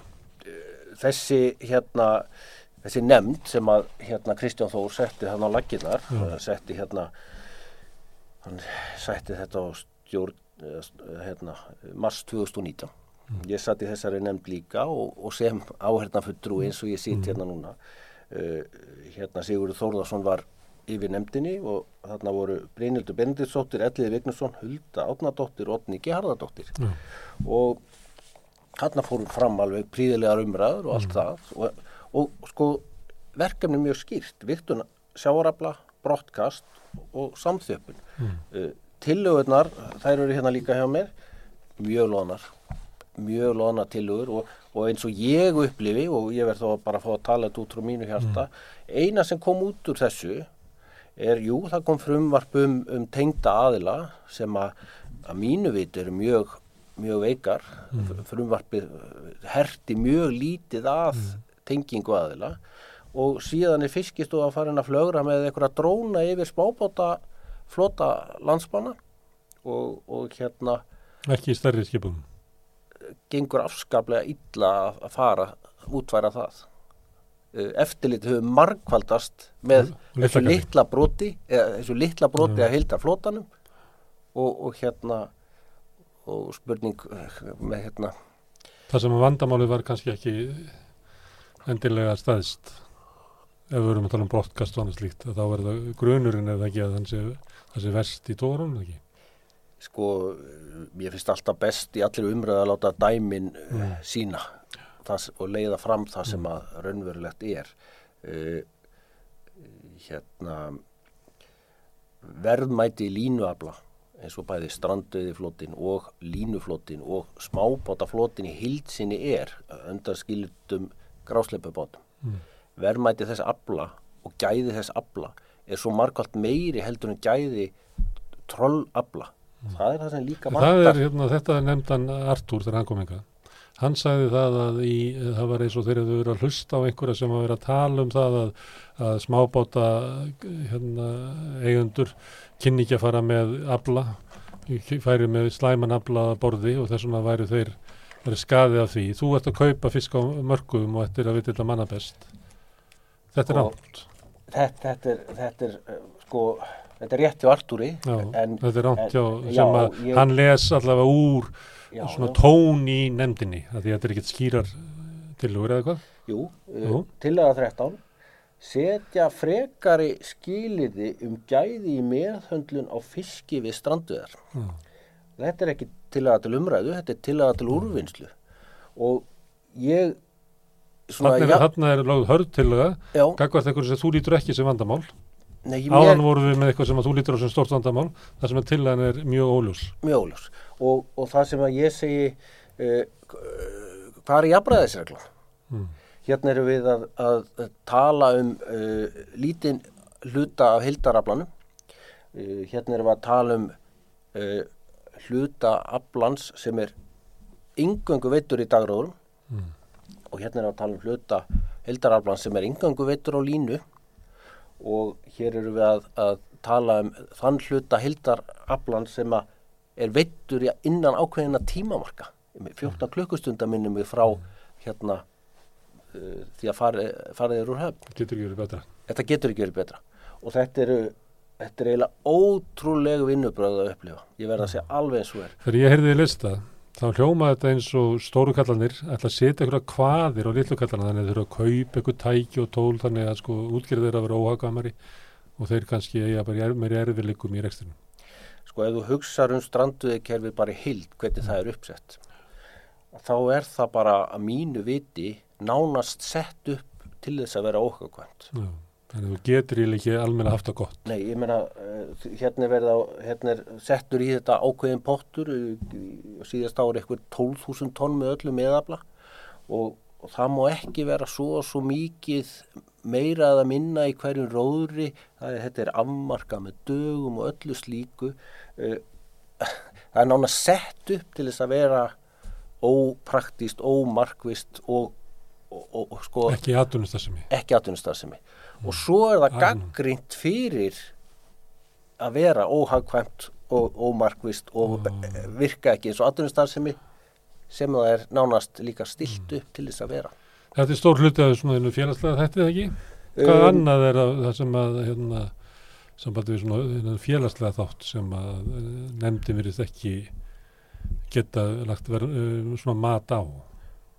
Sko það er það er hérna, Þannig að fyrst og fremst strandveðnar Nei, strandveðnar eru rúmur helmingur af þessu sem mm. kallað er hér ítrykað í tilugunum félagslega kerfið mm. Eitt eru byggðarkótar bygg, Tvær tegundi byggðarkóta og ég verða að viðkjanna að ég hef miklu, miklu minna sett mig inn í mm. þennan byggðarkóta En, en það er hann svo ólíkur á milli sko staða að það er eiginlega vita vonlust að, að leggja eitthvað mat á þetta kerfi. Já, og ég, ég viðkenni það að ég hef heyrt miklu, miklu meiri draugasögur og, og, mm. og, og kjáftasögur um byggðarkvotan heldur en strandu um spillingarsögur. Það er það sem ég hef heyrt en, en, en eins og ég segi, það er hlut, sáluti kerfi sem, sem ég hef ekki sett mig mikið inn í ekki heldur þessar skil og rækjubætur. Mm. en, en hér er bara reynlega tillögur um að bara leggja þetta allt inn í aflamaskerfið mm. til stórukallara Eh, inn í stóra aflamaskerfi þar sem þeir geta keitt þetta. Þannig að það væri bara til frekar í samsjöpunar Já og, og sko við verðum að passa okkur líka í þessar umræðu að sjárótuskerfið okkar er flókið í heild og það er verið að tala hér um, um að samin allt í eitt aflamaskerfi við erum í raun og með eitt kerfi viðbót sem gleimist mm. við erum með þetta 5,3% sem þeir kjósa hér að kalla félagslega kerfið. Svo erum við með uh, hérna litla aflamarkskerfi þar sem smábátarnir eru, þar sem Artur og Króka, Króka aflamarkin sem í dag má ekki flytja yfir á starfiskipin þannig að það er annað kerfi sem að í raun og veru og er það líka leggjað til að það falli inn í stóra? Það er stendur hér í tillugunum að einungisverðum eitt kerfi að ræða. Já. þannig ég veldi fyrir mér er í þessum tillugum verið að leggja til að fella smábátarkerfi líka inn í? Því að við mögum ekki blanda saman stranduðikerfi og smábátarkerfinu og þar uh, og ástæðan fyrir þetta aðgreint er að reynslan síndi þarna þegar framsalið byrjaði að, að stóru kallanir með aðgengi að fjármagni gáttu keift upp litla. Já, og þau gerðu það. Þeir náttúrulega gerðu það. Já, og, og ef, ef þú vilt ekki að það gerist að þá verður að halda krókonum aðgreindum, eða ekki? Uh, Því að endanum myndi þetta enda bara hjá Brím og Samirja við getum allavega klárlega að leiki okkur að því að ímynda okkur hvað gerðist ef þetta væri allt samansett Það er svona eðli kervisins er að tóka þetta allt til samþjöpunar Samþjöpunin er búin að vera viðvarandi Já. og stöðug og, og, og enda bendir ég ítrekka ríkisendur skoðandi á Já. það sem eitt af vandamálum Þannig ef þú vilt ekki samþjöpun þá verður að hafa einhverja aðgerði til þess að hindra samþjöpun þannig verður að leggja til að öðrum vilja gera það ekki. Það blasir við og, og það má benda á svo margt í þessu sambandi. Mm. Það er mjög aðdeglisvert hérna að, að sko uh, að hér er talað um, já, hér er bara einn tillaga sem segir bara við, tillaga 17, við halda aflamaskerfinu.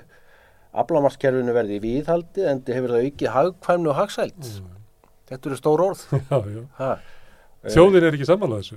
Nei. Það er það magnaða. Það er, það er mjög merkilegt og maður, mm. maður hreinlega veldi fyrir sig sko að því að hér þetta er bara tillaga til sagt, úrvinnslu, hún er ekki til umræðu. Já, Þannig að þú færði ekki að ræða þetta í vor. Ég er ekki vissum að þetta verði mikið rætt sko. Og þetta er sjálf kótakerfið, bara þú veist það sem að flestir líta já, á sem kótakerfið Stjórnkerfi fiskviða hefur mm. haft áhrif á alla virðiskeðu sjáuröðs og sjáuröðsfyrirtæki hafa skipulagt sókn, skipa þannig að betri afli koma landi og á réttum tíma. Ég er bara ekki sammála þessu. Mm.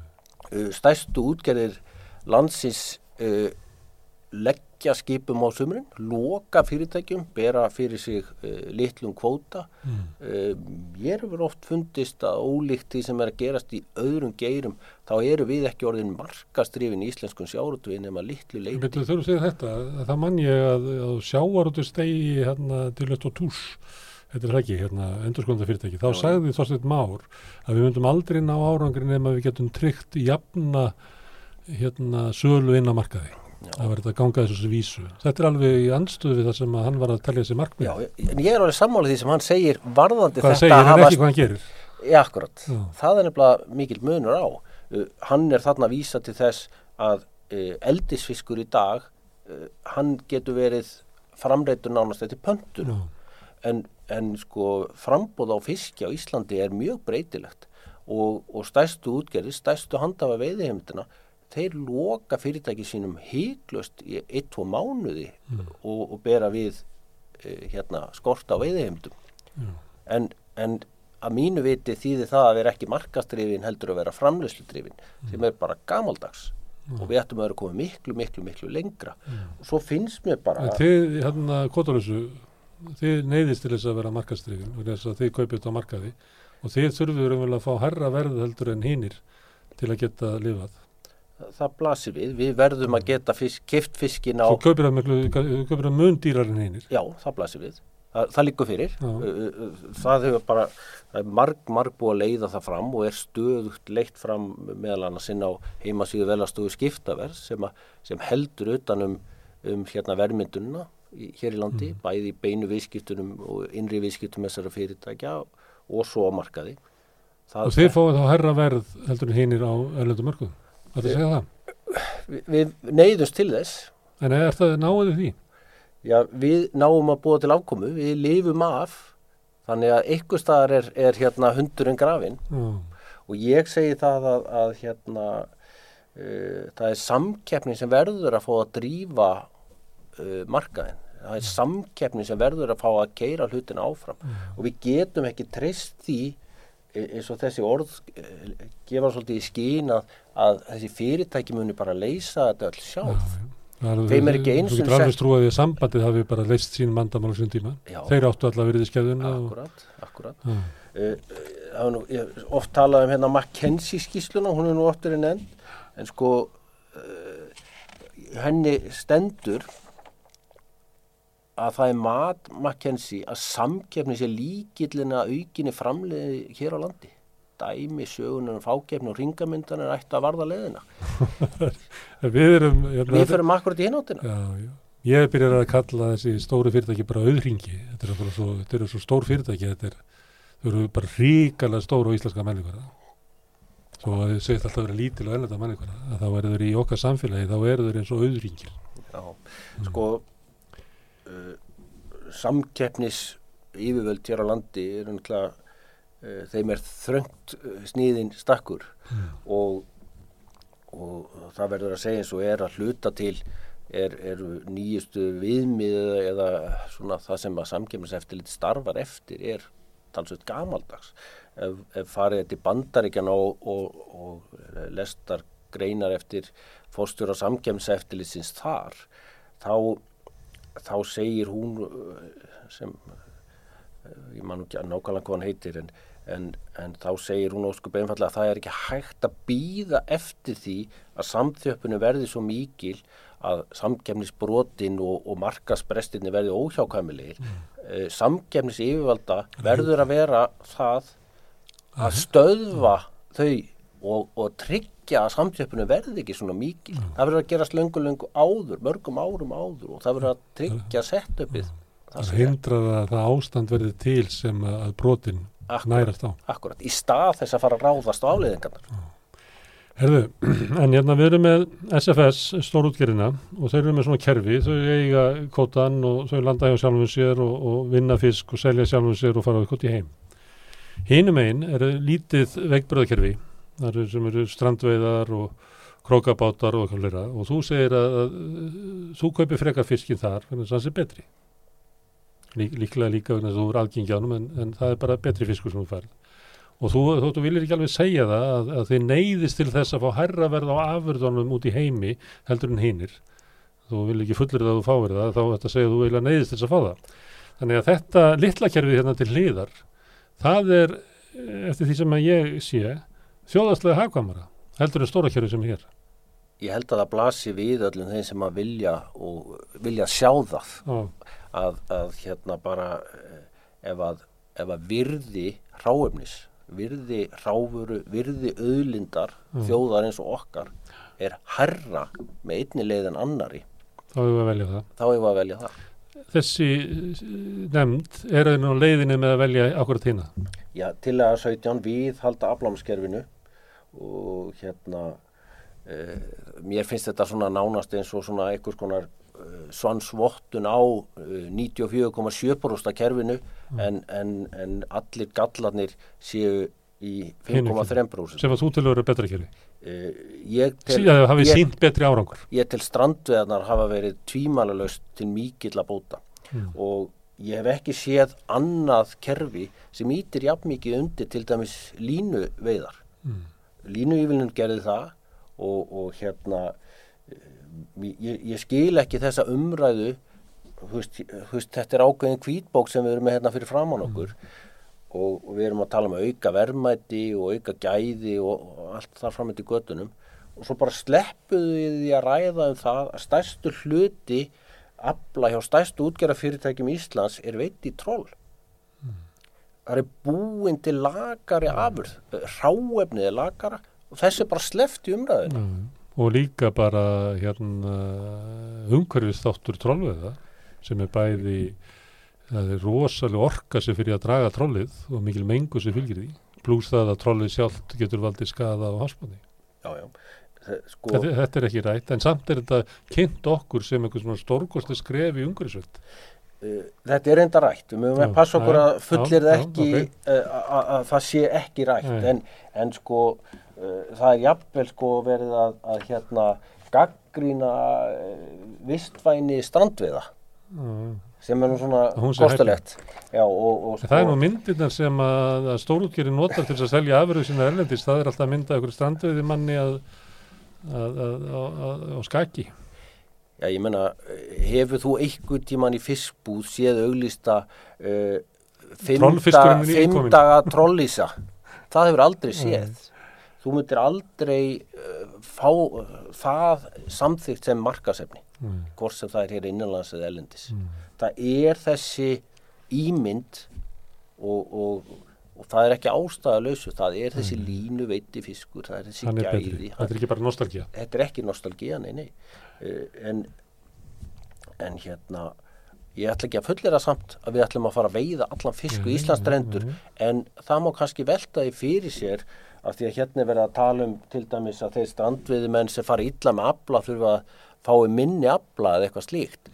Ætti það þá ekki yfirfærast á allt fiskveiðikerfið? þetta, þá reyndar er það á vissu stöðum í Nóri, það sem að smábáta útgerðin er sko gríðarlega stór. Í, þetta er svo lófótur og svona, það eru bara allar hafnir fullar af, af fiskibátum og, og, og, og mi- mikið af sko smáverkandum og eitthvað flera Mm. og með svona með lítinn tilkostnað umhverju svona veiðar. Þannig að, að aðra þjóðir hafa þetta ekki ákvörðunum að sko íta undir þetta miklu meira við. Normenn glíma vissulega samt við svona annað spektrum heldur en við. Mm.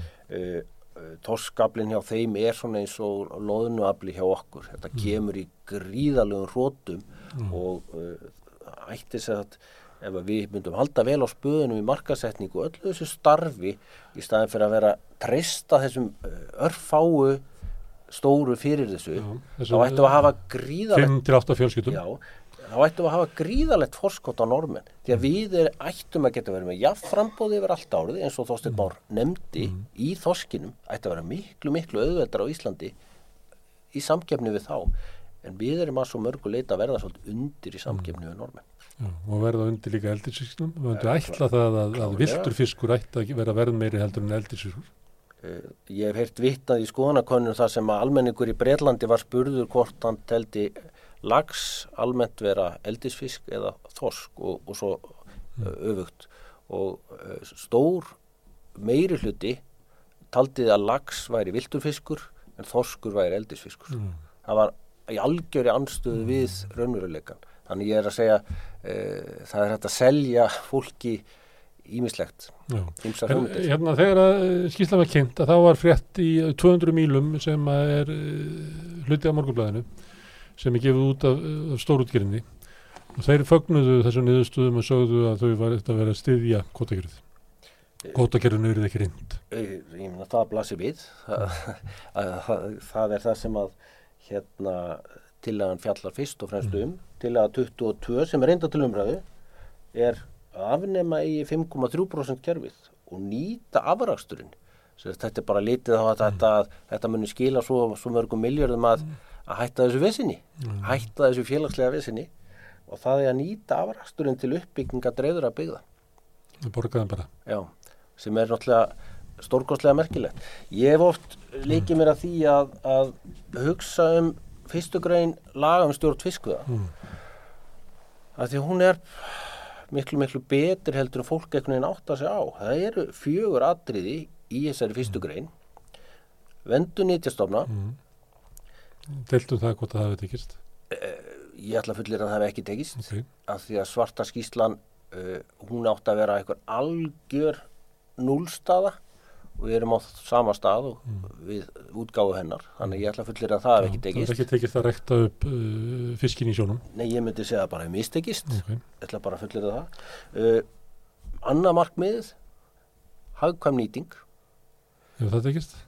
Ég held að það sé ansi erfitt að fullira það. Uh, Kanski fyrst og fremst byggt, byggt á því að við höfum ekki náða að byggja upp nýtjastofnana. Mm. Það segir okkur vantarlega að nýtingin hafi ekki verið hagkvæm. Mm.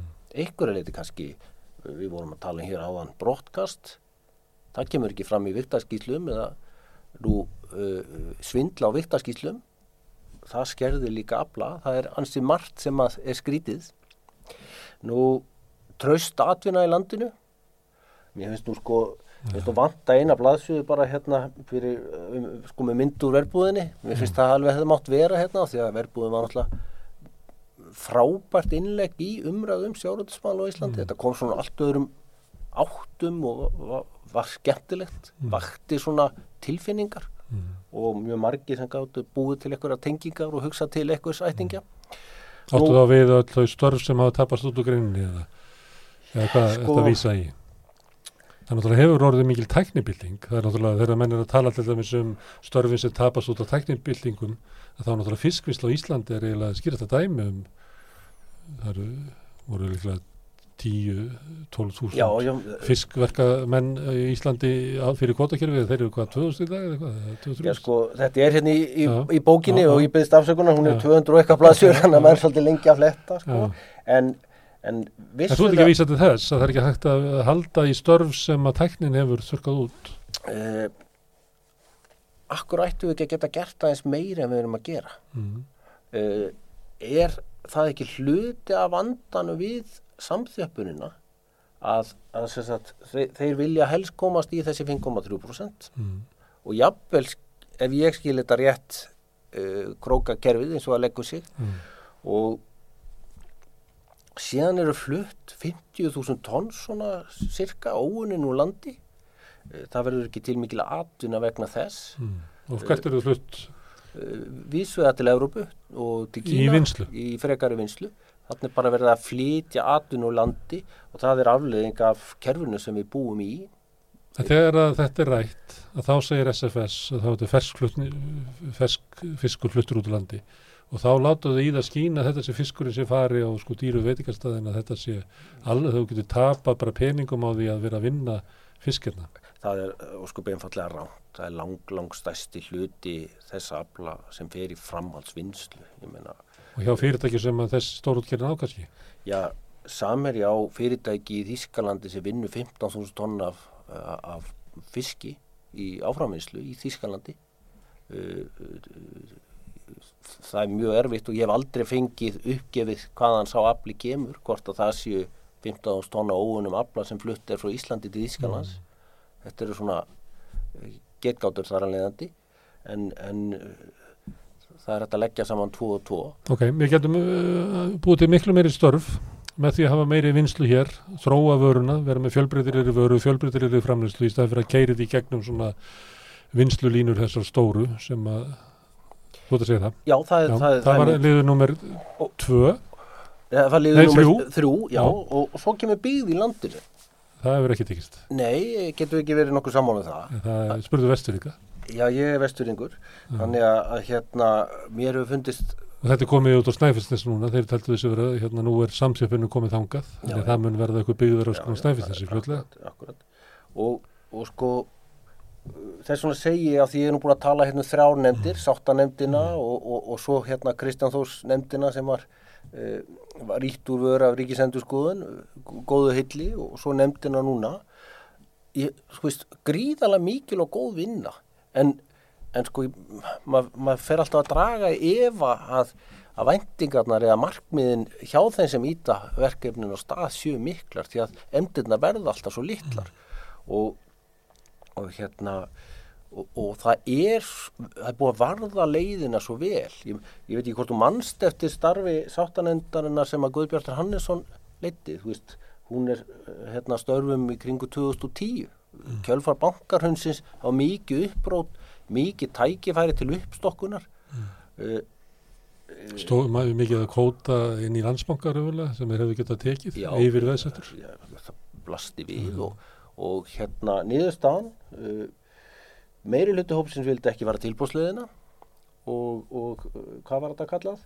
Sáttaleiðin eða, eða hérna, samningaleiðin já var, Það er samningalið. uh, það er sem þetta sami verði um handhafa veiði heimilda um auðlindagjaldið Það verið sami við Þorstin Má og Guðmundi Brím og fleiri svona hvað viljið þið borga í veðgjald? Já, já, og, og, það er hérna, ég, þessi bóki er kannski skilin eftir hjá þér, en, en sko, það, hérna er þessu líst ágætlega að, að á síðustu tveimur árum þá, já, tveimur hérna, viðmiðunar árum, þá er, er, er arður sem greittur er út úr sjáurðusfyrirtækjunum einhverjar, einhverju 40 miljardar og á sama tíma er þetta auðlindagjald eitthvað staðar 10 miljardar fyrir yfir tvö ár eitthvað.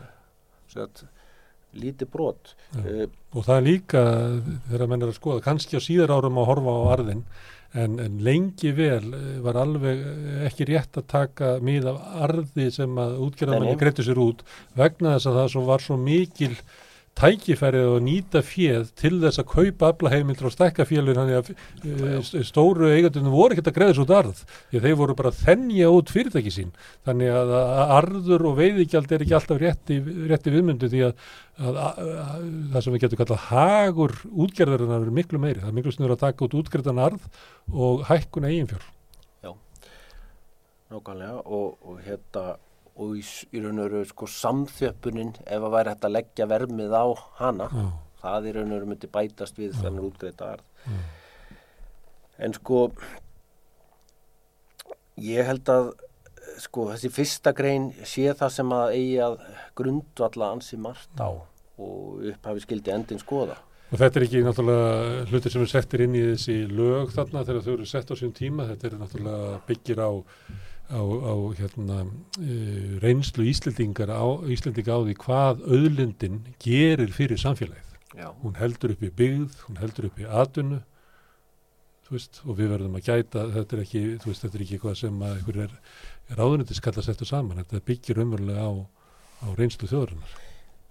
er Þess vegna er bara hún, er hún svo góð Já, akkurat en, en sko, síðan er það náttúrulega þannig að það eru þjóðir út um allan heim líkar eins líkar okkur sem að eru auðlinda drifnar. Er, bananalíðveldi hefa stundum svona þjóðir verið kallaðar. Og þar er mjög auðvelt að fara og skoða söguna og, og læra af henni. Ég meina samþjöppunin og, og einhvers konar spilling eða, eða skulum segja markasbrestir út af samþjöppun Þe- þetta er, þetta er þekkt í mannkinsögunni þess vegna finnst manni já, svekkjandi að það sé ekki í þessari vinnu sem að svo mörguleiti er góð eða hún, er, hún á að vera er góð mikið lagt inn. mikið lagt inn og, Lítið kemur út. einhverju leiti, ég ætla samt ekki að gera lítið úr vegna þess að það er mikið af góðum tillögum eins og í mentun og, og örgismálum og svona. En, en maður kannski svona flýsjar það eins utan af að því að ég, ég allan að stend sjálfum að því ég er að horfa á kjarnamálsin sem ég finnst alltaf vera e, þjóðarhagurinn og svona hvernig þessi innri kvatar virka í kerfinu. Mér finnst það eiginlega vera, ef ég ætta að summera upp mína sín á kerfið, þá finnst mér það vera að innri kvatarnir eru kolvittlusir. og, og það er kannski menn, hérna, eins og menn áttir sig á því upp, hvern, hvernig þetta virkar Já, þegar já. þú býr, hérna, stillir þessu upp svona að þetta virkar svona og leiðir til þessari niðurstöðu Já, ég, ég stundur sagt frá því að, að mér finnst ef að kerfið væri fullkomið að þá myndi, þá myndi þjóðarhagur fara fullkomlega saman með því að útgerra fyrirtæki myndi gera það sem því væri hagfældast. En það er alls ekki þannig í dag.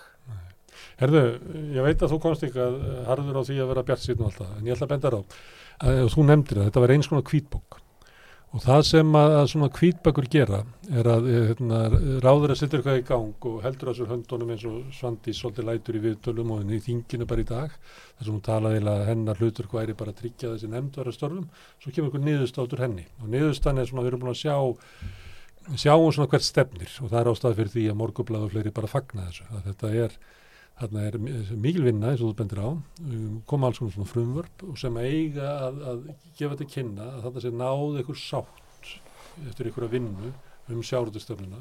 En svo vil til að það er meira og minna svo stefna sem hefur rekin.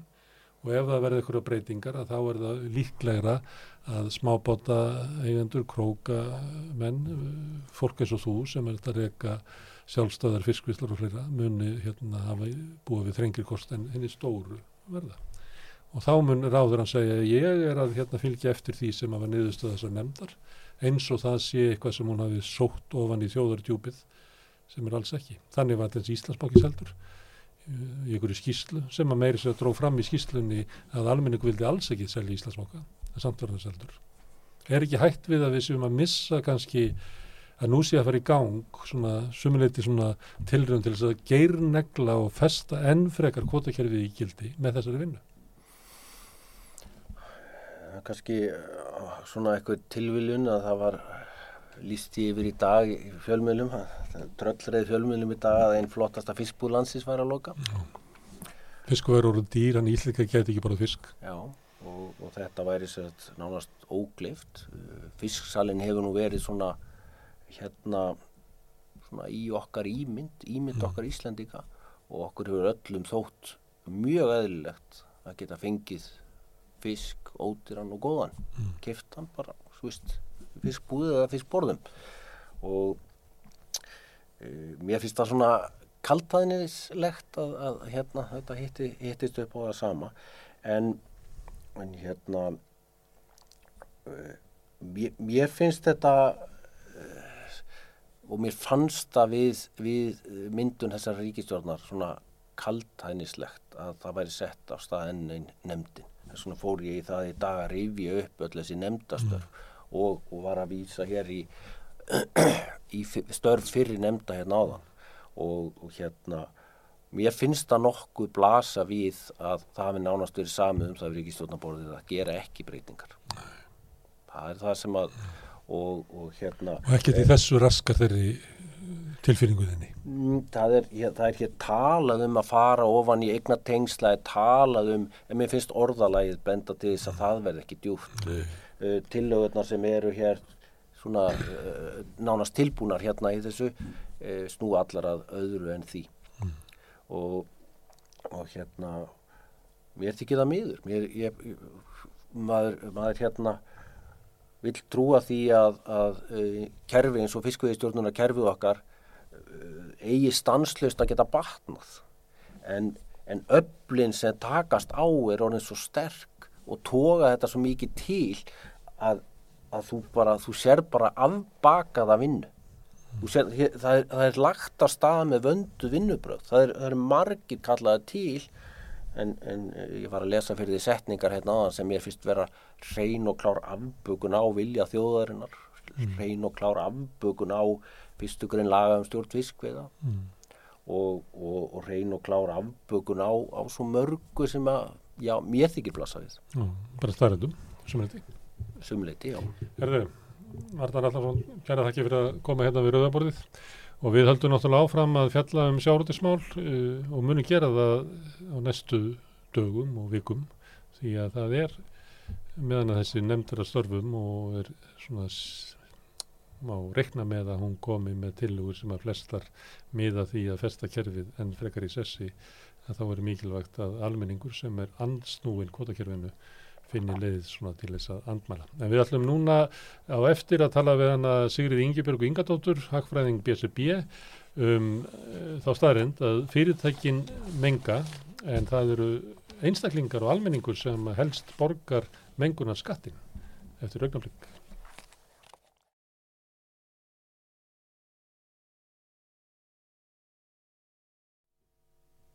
Sigriður Ingibjörg Ingadóttir sem er hagfræðingur BSB er komin hingað uh, út af grein sem hún skrifaði, ég sá hana bæði á heimildinni og, og síðun ykkar í BSB Mhm. og hún var eiginlega um það að fyrirtæki menga og, valda eh, skada í umhverfinu Já. og það á að vinna gegn því með því að leggja á skatta og annað slíkt en skattandi lenda fyrst og fremst á einstaklingum er þetta rétt úlgur á greinni? Já, þetta er svona, þetta borga fyrirtækin eitthvað, en það er þannig að við erum ekki með prinsipið þeir borga sem losa, nema ákveðna hópa. Já, Það er sem sagt, þannig að á heimilum sem að keira á bensín og díselbílum, þar er full skattlagning, já, en svo er atvinnugreinar sem að er svo landbúnaður eða flugið er ekki komið inn í neina alvöru skattlagningu þess að sjávarútvegurinn mengar hryllilega Já, og borgar náttúrulega eitthvað, eitthvað mm. inn í þetta, en það er ekki, hafstóðugögnin gefa ekki góða greiningu á þessu, en, en við sjáum það bara að, að því við hjá verkefælisreifingunni höfum verið saman ASI, BSIB og BHM að vinna í sambandi við réttlátt umskipti Mm. sem snúa um það að þegar við förum í gegnum þessar nöðsynlugu breytingar sem að fylgja því að draga úr losun og, og reyna að koma plánetunni fyrir vind og okkur mannkinni að þá verður það að vera gert þannig að það sé gert með sangjörnum og réttlátum hætti og að það sé ekki lögð hlutfarslega mikil, meiri byrði á þá sem eru teikulæri. Mm. En það er í raun og veru það sem við erum að gera núna og þetta er svolítið viðkvæm umræða því að þetta er mikilvægasta ver verkefni samtímans. Mm. Akkur um vikum Af því að sko, nei, hún, ég er ekki að segja þessi, sko, það sem er viðkvæmt er að Mm. við erum sammála því, við styðjum markmið stjórnvalda. Við segjum þetta er, það, þetta er eitthvað sem við verðum að gera. Og við gerum okkur líka grein fyrir því að hagræni kvatar eins og skattlagning er einn mikilvægu þáttur í því að ná árangri. mm. En þú getur ekki bara lagt á skatta og ekki hugað að öðrum þáttum.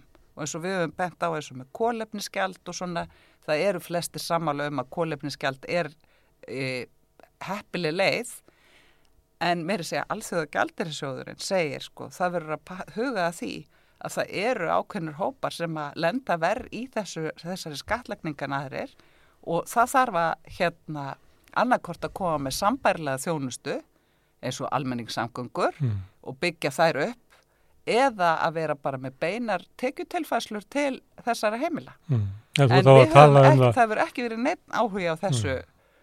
Þú ert þá að tala um það að, að það hefur verið stuðningu til fólks að kaupa rafbíla Já, og það eru þeir sem helst eiga efna að kaupa sér nýja bíla sem hafa nýtt sér það fyrst og það er kannski, við getum bara sagt, efri millistéttin já, sem er fyrst í því. já, Svo heldur þetta að kerfi eitthvað áfram. Á endanum er mjög líklegt að fátakasta fólkið sem er á gömlum þriðju eigendur af gömlum bensítruslum mm, sem að munu borga hæðst mengunarskattana. já, Fátakasta fólkið. já. Og, sko, og það er að því að svo er líka sko þetta nýri bílarnir sem eru drifnir af jarðefna elsniti eru sparnetnari en þeir sem eldri eru Mm.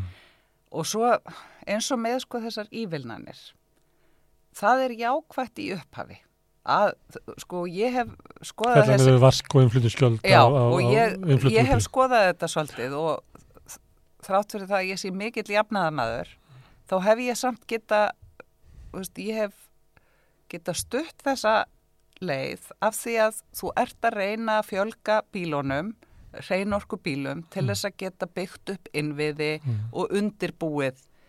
En ég hef náttúrulega líka talið að það þyrfti þó að vera einhverjar aðrar aðgerðir samhliða þessu Mm. Eh, En það Það sem að við sjáum núna er að það er kannski ekki búið að byggja nógu vel upp innviðina þó að það hafa orðið umbreyting þar á en þá er ekki nógu mikið af hlæðslustöðum fyrir þá sem að til dæmis eru ekki með fyrir utan húsin sín Mm. hlæðslustöðvar og það hefur ekki verið heldur reynd þá að sportna við fjölgun bíla samhliða. Ég var að skoða tölur á síðustu tíu árum hefur okkur fjölgað um 20, frá því að ívilnanirna tóku gildi, Mm. þá hefur okkur fjölgað um 20%. Mm. En bílaegn heimilana hefur aukist um 50% Mm. og það hefur ekki verið neinn tilraun til þess að, og ég kann ekki sko tækin til þess að fást við það, en til þess að draga úr uh, fjölda bíla per íbúa. Þú veist, þannig að þá hugsa maður býtu þannig þá bara verið að gera einhverjum kleift að kaupa bíla, það hefur alveg jákvæð áhrif að einhverju leiti en það hefur mjög neikvæð áhrif að því leiti að þú ert að nýta fjármunni með mjög ómarkvissum hætti sem þú hefur þá kannski geta notað í eitthvað annað. Að því við erum á sama tíma að tvöfalda nei eða það er 50% aukningi Mm. díselbílum á sama tíma og svona. Þannig að þetta, er, þetta, er, þetta er í raun og vera algjör fall einhvern á Mm. þessu. Þannig í heildina erum við ekki að ná að, góðum árangri, eiginlega Nei. þó svo þessi fjölgun á ramaspílum. Já, og það í sjálfu sér er mjög jákvægt, en þá verður maður að horfa á allt eitt líka og hvað, borgarlína, hvenær byrjar hún að keira? Veist, Það er bara, alltaf verið að færa það, bara, ég get Já. alveg spurt hvernig verður landsbílarnir tilbúin. já, og það er eins og það sé sko einhver sturluður ótækni Mm. að ætlast til þess að það sé alvöru almenningssamgangna kerfi. Mm. Það verður skernuðu strætt og á, á tímanum, sko. Já, það er, Það er líka það. Það er líka að vera hækka í strætt og já, Það- ég tek reglulega strætt og Já. mér veist alltaf, sko, það hækkar mjög hratt Já, gældi þar. já, En við höfum ekki neina svona heldstaða sín í því hvernig við viljum haga þessu málum en, og það alvarlega er að þetta er stærsta loftslags aðgerð íslenska stjórnvalda. mm. Lítur að vegasamgangum og það, og það er búið að gera ímsa hluti, búið að koma með ívilnani, leggja á kólefniskjald, byggja upp einhverja innviði. Það er markmiðum að banna bensín og díselbíla eftir sjö ár. Uh, við heyrum ekkert af því hvernig það eigi að framkvæmast. Þá er það náttúrulega innflutningur á nýjum. Uh, það vegum að ná 100.000 rafmagsbílum fyrir árið 2030. Uh, lengi vel, sko það er verið að niðurgreiða tengiltvinn bílana sem eru svona plug-in. Það var kannski allt í lagi fyrstu árin en frálegt að gera það núna þegar það eru komnir svona góði rafmagsbílar. Þú Og eru að bara fyrir ekki að ég úr að út í það- daldi rant hérna. Nei, nei, það, er bara svo- góð rauk fyrir því að það drægi ekki úr mengun að Nei, flytja inn, inn tvinnbíla. nei, Það er bara verið færið bæði, norðmennur hættir því, hættir því undan Íslandíkum. Og það dregur ekki með einhvern að koma Mm. með ívilnani fyrir rafmagsbíla þegar þú á sama tíma ert að auka einflétning á díselbílum. Mm. Veist, þetta er einhvern veginn svona langt umfram fjólsfjölgun. Þú nefndir upp að, að þeir borga ekki sem að losa eða menga Mm. og þetta hug, getur verið að þessi staða sé að einstaklingarnir borgi eh, meiri uh, mengunarskatta heldur en fyrirtækin þó við vitum að, að fyrirtæki eru vel að stjórna uh, allri mengun Mm. og það er bara drifið áfram af, af uh, segja, hagnaðarvon og öðru slíku sem að bara keira fyrirtæki áfram. En í umræðinu er oft verið að tala svona um, um okkar ábyrð, Mm. til þess varðið plastið. Við fáum ekki plastbók í búðunum en förum svo heim í með mægisbókan fullan af plasti sem er í hillunum sko Já. og í vörunum sem er kannski sko, ég stundum ábyrðað sko 40 faldur á við plastbókan. Þannig að, að, að, að langar að eitt fyrir því. Getur það verið að þetta sé tengt kannski svona eh, góðsögn nýfrælsukjáruna um að neytandin stjórni markaðnum. Þannig að við stjórnum raunverulega með buttunni eh, hvernig vörúrvalið er, hvernig þjónustan er Mm. og raunverulega hvernig heimurinn er. Að, að þa- þar að leiðandi sé okkur hugmyndur um það að með því að skatleggja einstaklingana og stýra neyslunni hans Já. að þá getum við lagað heiminn.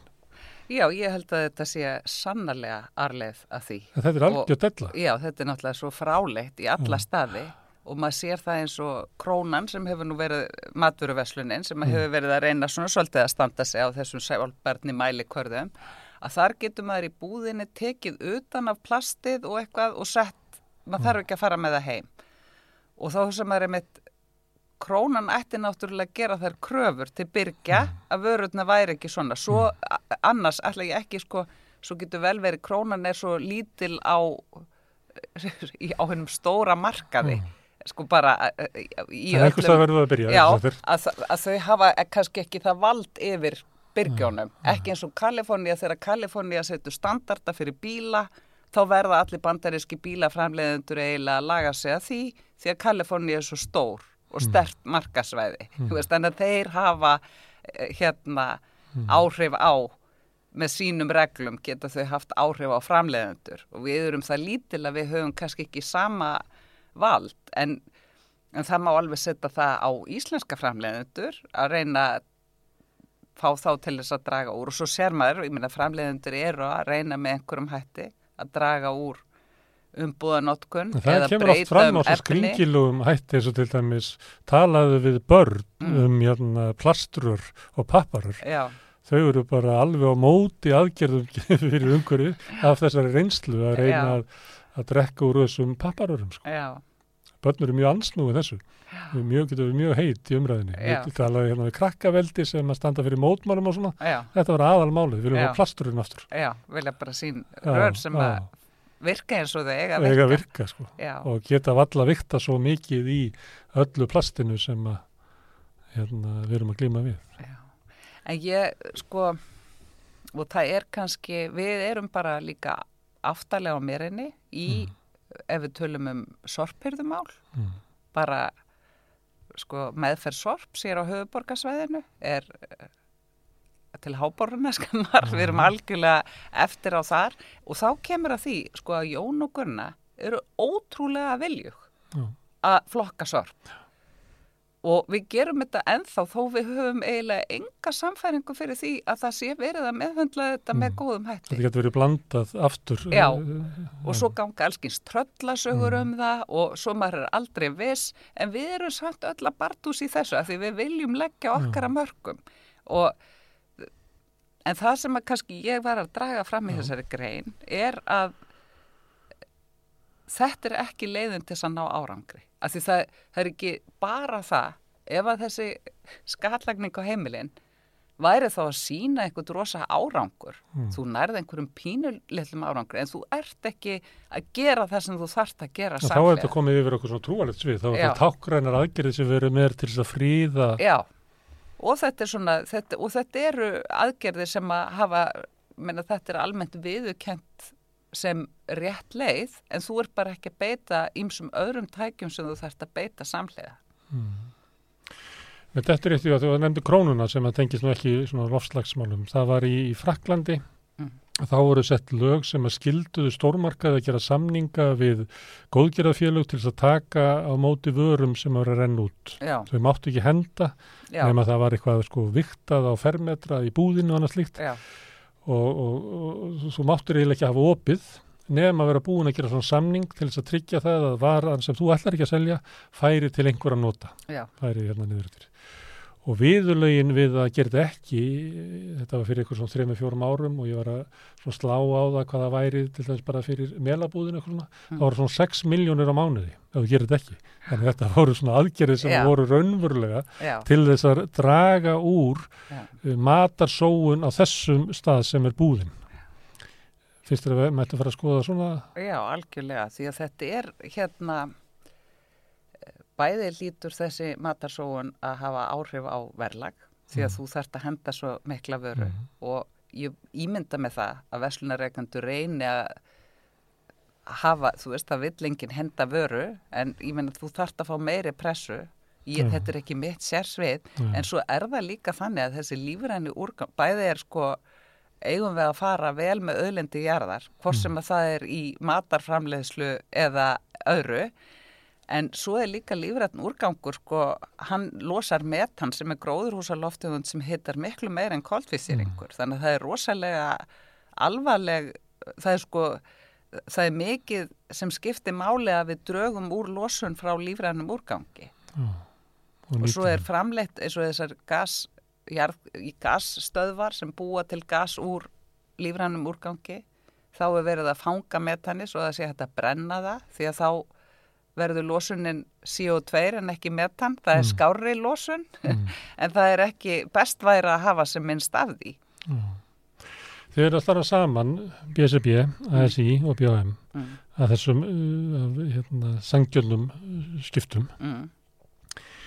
E, og við höfum aðeins rættum það og, svona, og ég held að vitið að flestir að svona hugmyndin um hvað er hægt að gera, þetta er mjög fljótandi og floktandi. Eru þið með, leggið þið fram lausnir eða gaggrinnið þið bara það sem er? E, við erum, við höfum sko kannski ekki, það er ekki svo við séum með fullmótaða tilugur en það sem við höfum bent á í réttlátum umskiptum það felur í sér að þegar að það er, við erum kannski ekki að missa mörg störf út af lofslags, aðlugunar lofslagsbreytingum en eða út af samdrætti það er önnur ríki sem eru miklu meira að takast á við það. En störf er að breytast út af uh, sjálfvirknivæðingu sem að er hluti af lofslagslausnum en þá er fólk að missa störfin sín. Það eru líka verða til ný störf og við erum að benda það skiptir mjög miklu máli að fólk fái, e, það er samfélagslegt verkefni að gefa einstaklingu tækifæri til þess að menta sig eða þjálfa sig inn í ný störf. Mm. Þannig að þú dettir ekki út af vinnumarkaða því að starfið þitt bara hverfur. Og þetta er ekki á ábyrð einstaklingsins, það er við sem samfélag sem þurfum að takast á við þetta verkefni. Mm. Og við erum líka að leggja áherslu á það að þau nýju störf sem er að skapast í breyttu umhverfi sem er meðal annars út af lofslagsbreytingum eða aðgerðum út af lofslagsbreytingum en líka út á svo mörgu öðru að þau störf eiga að vera með vinnumarkastengt réttindi. Að þetta sé ekki bara einhverjir einirger í harki sem er ekki með vinnum, allar þessar tryggingar sem fylgja þáttöku á vinnumarkaði. Þannig að þar er eitt hluti af þessu. Mm. Varstaðan um það að störf, að það séu sköpu góð störf, þar sem fólk hefur vinnumarkastengt réttindi Mm. og að það sé samfélagslegt verkefni að fólk geti menta sig og þjálfa. Mm. Síðan er það líka þegar að þú ert að lenda í einhverjum breytingum hvors, sem að fylgja þessum breytingum í hægkerfum okkar að þú sért með öruga afkomutryggingu. Það, það er að breytast þannig að það eru hópar að lenda í uh, það er ekki mikið atvinnulegs á Íslandi og þetta er ekki samfélagslegt vandamál eins og staðan er í dag en það er gríðalegt vandamál fyrir þá einstaklinga sem í hlut eiga og eru kannski um lengri tíma atvinnuleysir því að langtíma atvinnuleysi er að aukast og, og þá verður að tryggja að það sé afkomutrygging fyrir fólk. Hvernig ætlar að takast á við þetta? Og þú þarf líka að tryggja að það, það er skattar og það er ívilnanir sem við erum að veita Mm. að við vitum hvaða tekjuhópar er að njóta þess eða hvaða tekjuhópar eru að e, taka á sig Byrðan. byrðarnar og að það sé hægt að bræðast við því Mm. og við höfum ekki mikil, það er ekki mikil hugsun um þessa hluti en það er þó við erum allt, það, það hef ég, sko 2018 kom fyrsta svona fjármagnaða og tímasetta aðgerða áallinu í lofslagsmálum Mm. sem var ekki merkilegt prag en samt æðislega mikilvægt skref Mm. úr eiginlega engu í eitthvað Mm. Á þessum tíma, svona tæpum fimm árum sem liðin eru, þá hefur gríðarlega margt gert. Þú veist, það er, það eru mjög hraðar breytingar. En við höfum ekki, sko, þetta er náttúrulega hluti af, sko, það verður að nálgast lofslagsmálinn út frá hugmyndinum sjálfbærni. Og þá er það ekki bara umhverfið eða efnahagurinn, það er líka félagslega stofin. Og þú, þessar samfélagsbreytingar sem er að eiga sér stað, allir þeir fólksflutningar sem munu eiga sér stað, við verðum að horfa á félagslega þáttin. Og við og mér dætti að huga eins og það er núna þessu umræðum flóta eða um útlendingamál Mm. í þinginu. Ég veist að já, það er hægt að smíða þannig ramma að við vísum hér fólk í burtu en ég meina þessi ströymar er að fara vaksandi Mm. og það mun valda, ég meina þegar fólk fer náttúrulega yfirleitt næst heimilum sínum þegar það er að flýja.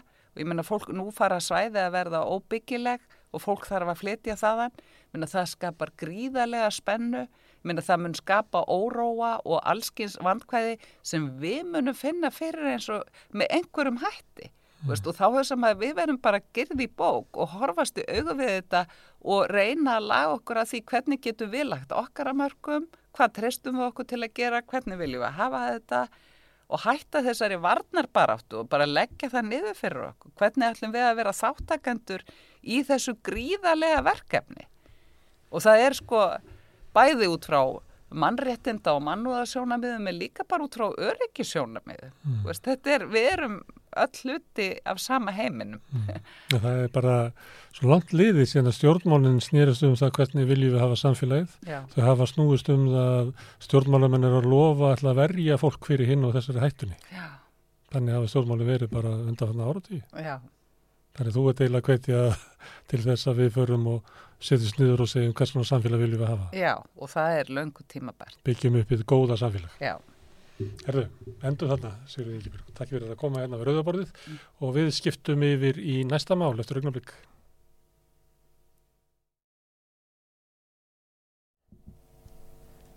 Herðu, þá snúum við okkur til Reykjavíkuborgar. Þú erum komin hingað borgarföldrúar, Sanna Magdalena Mörtuðdóttir og Trusti Breiðfjörð Magnússon.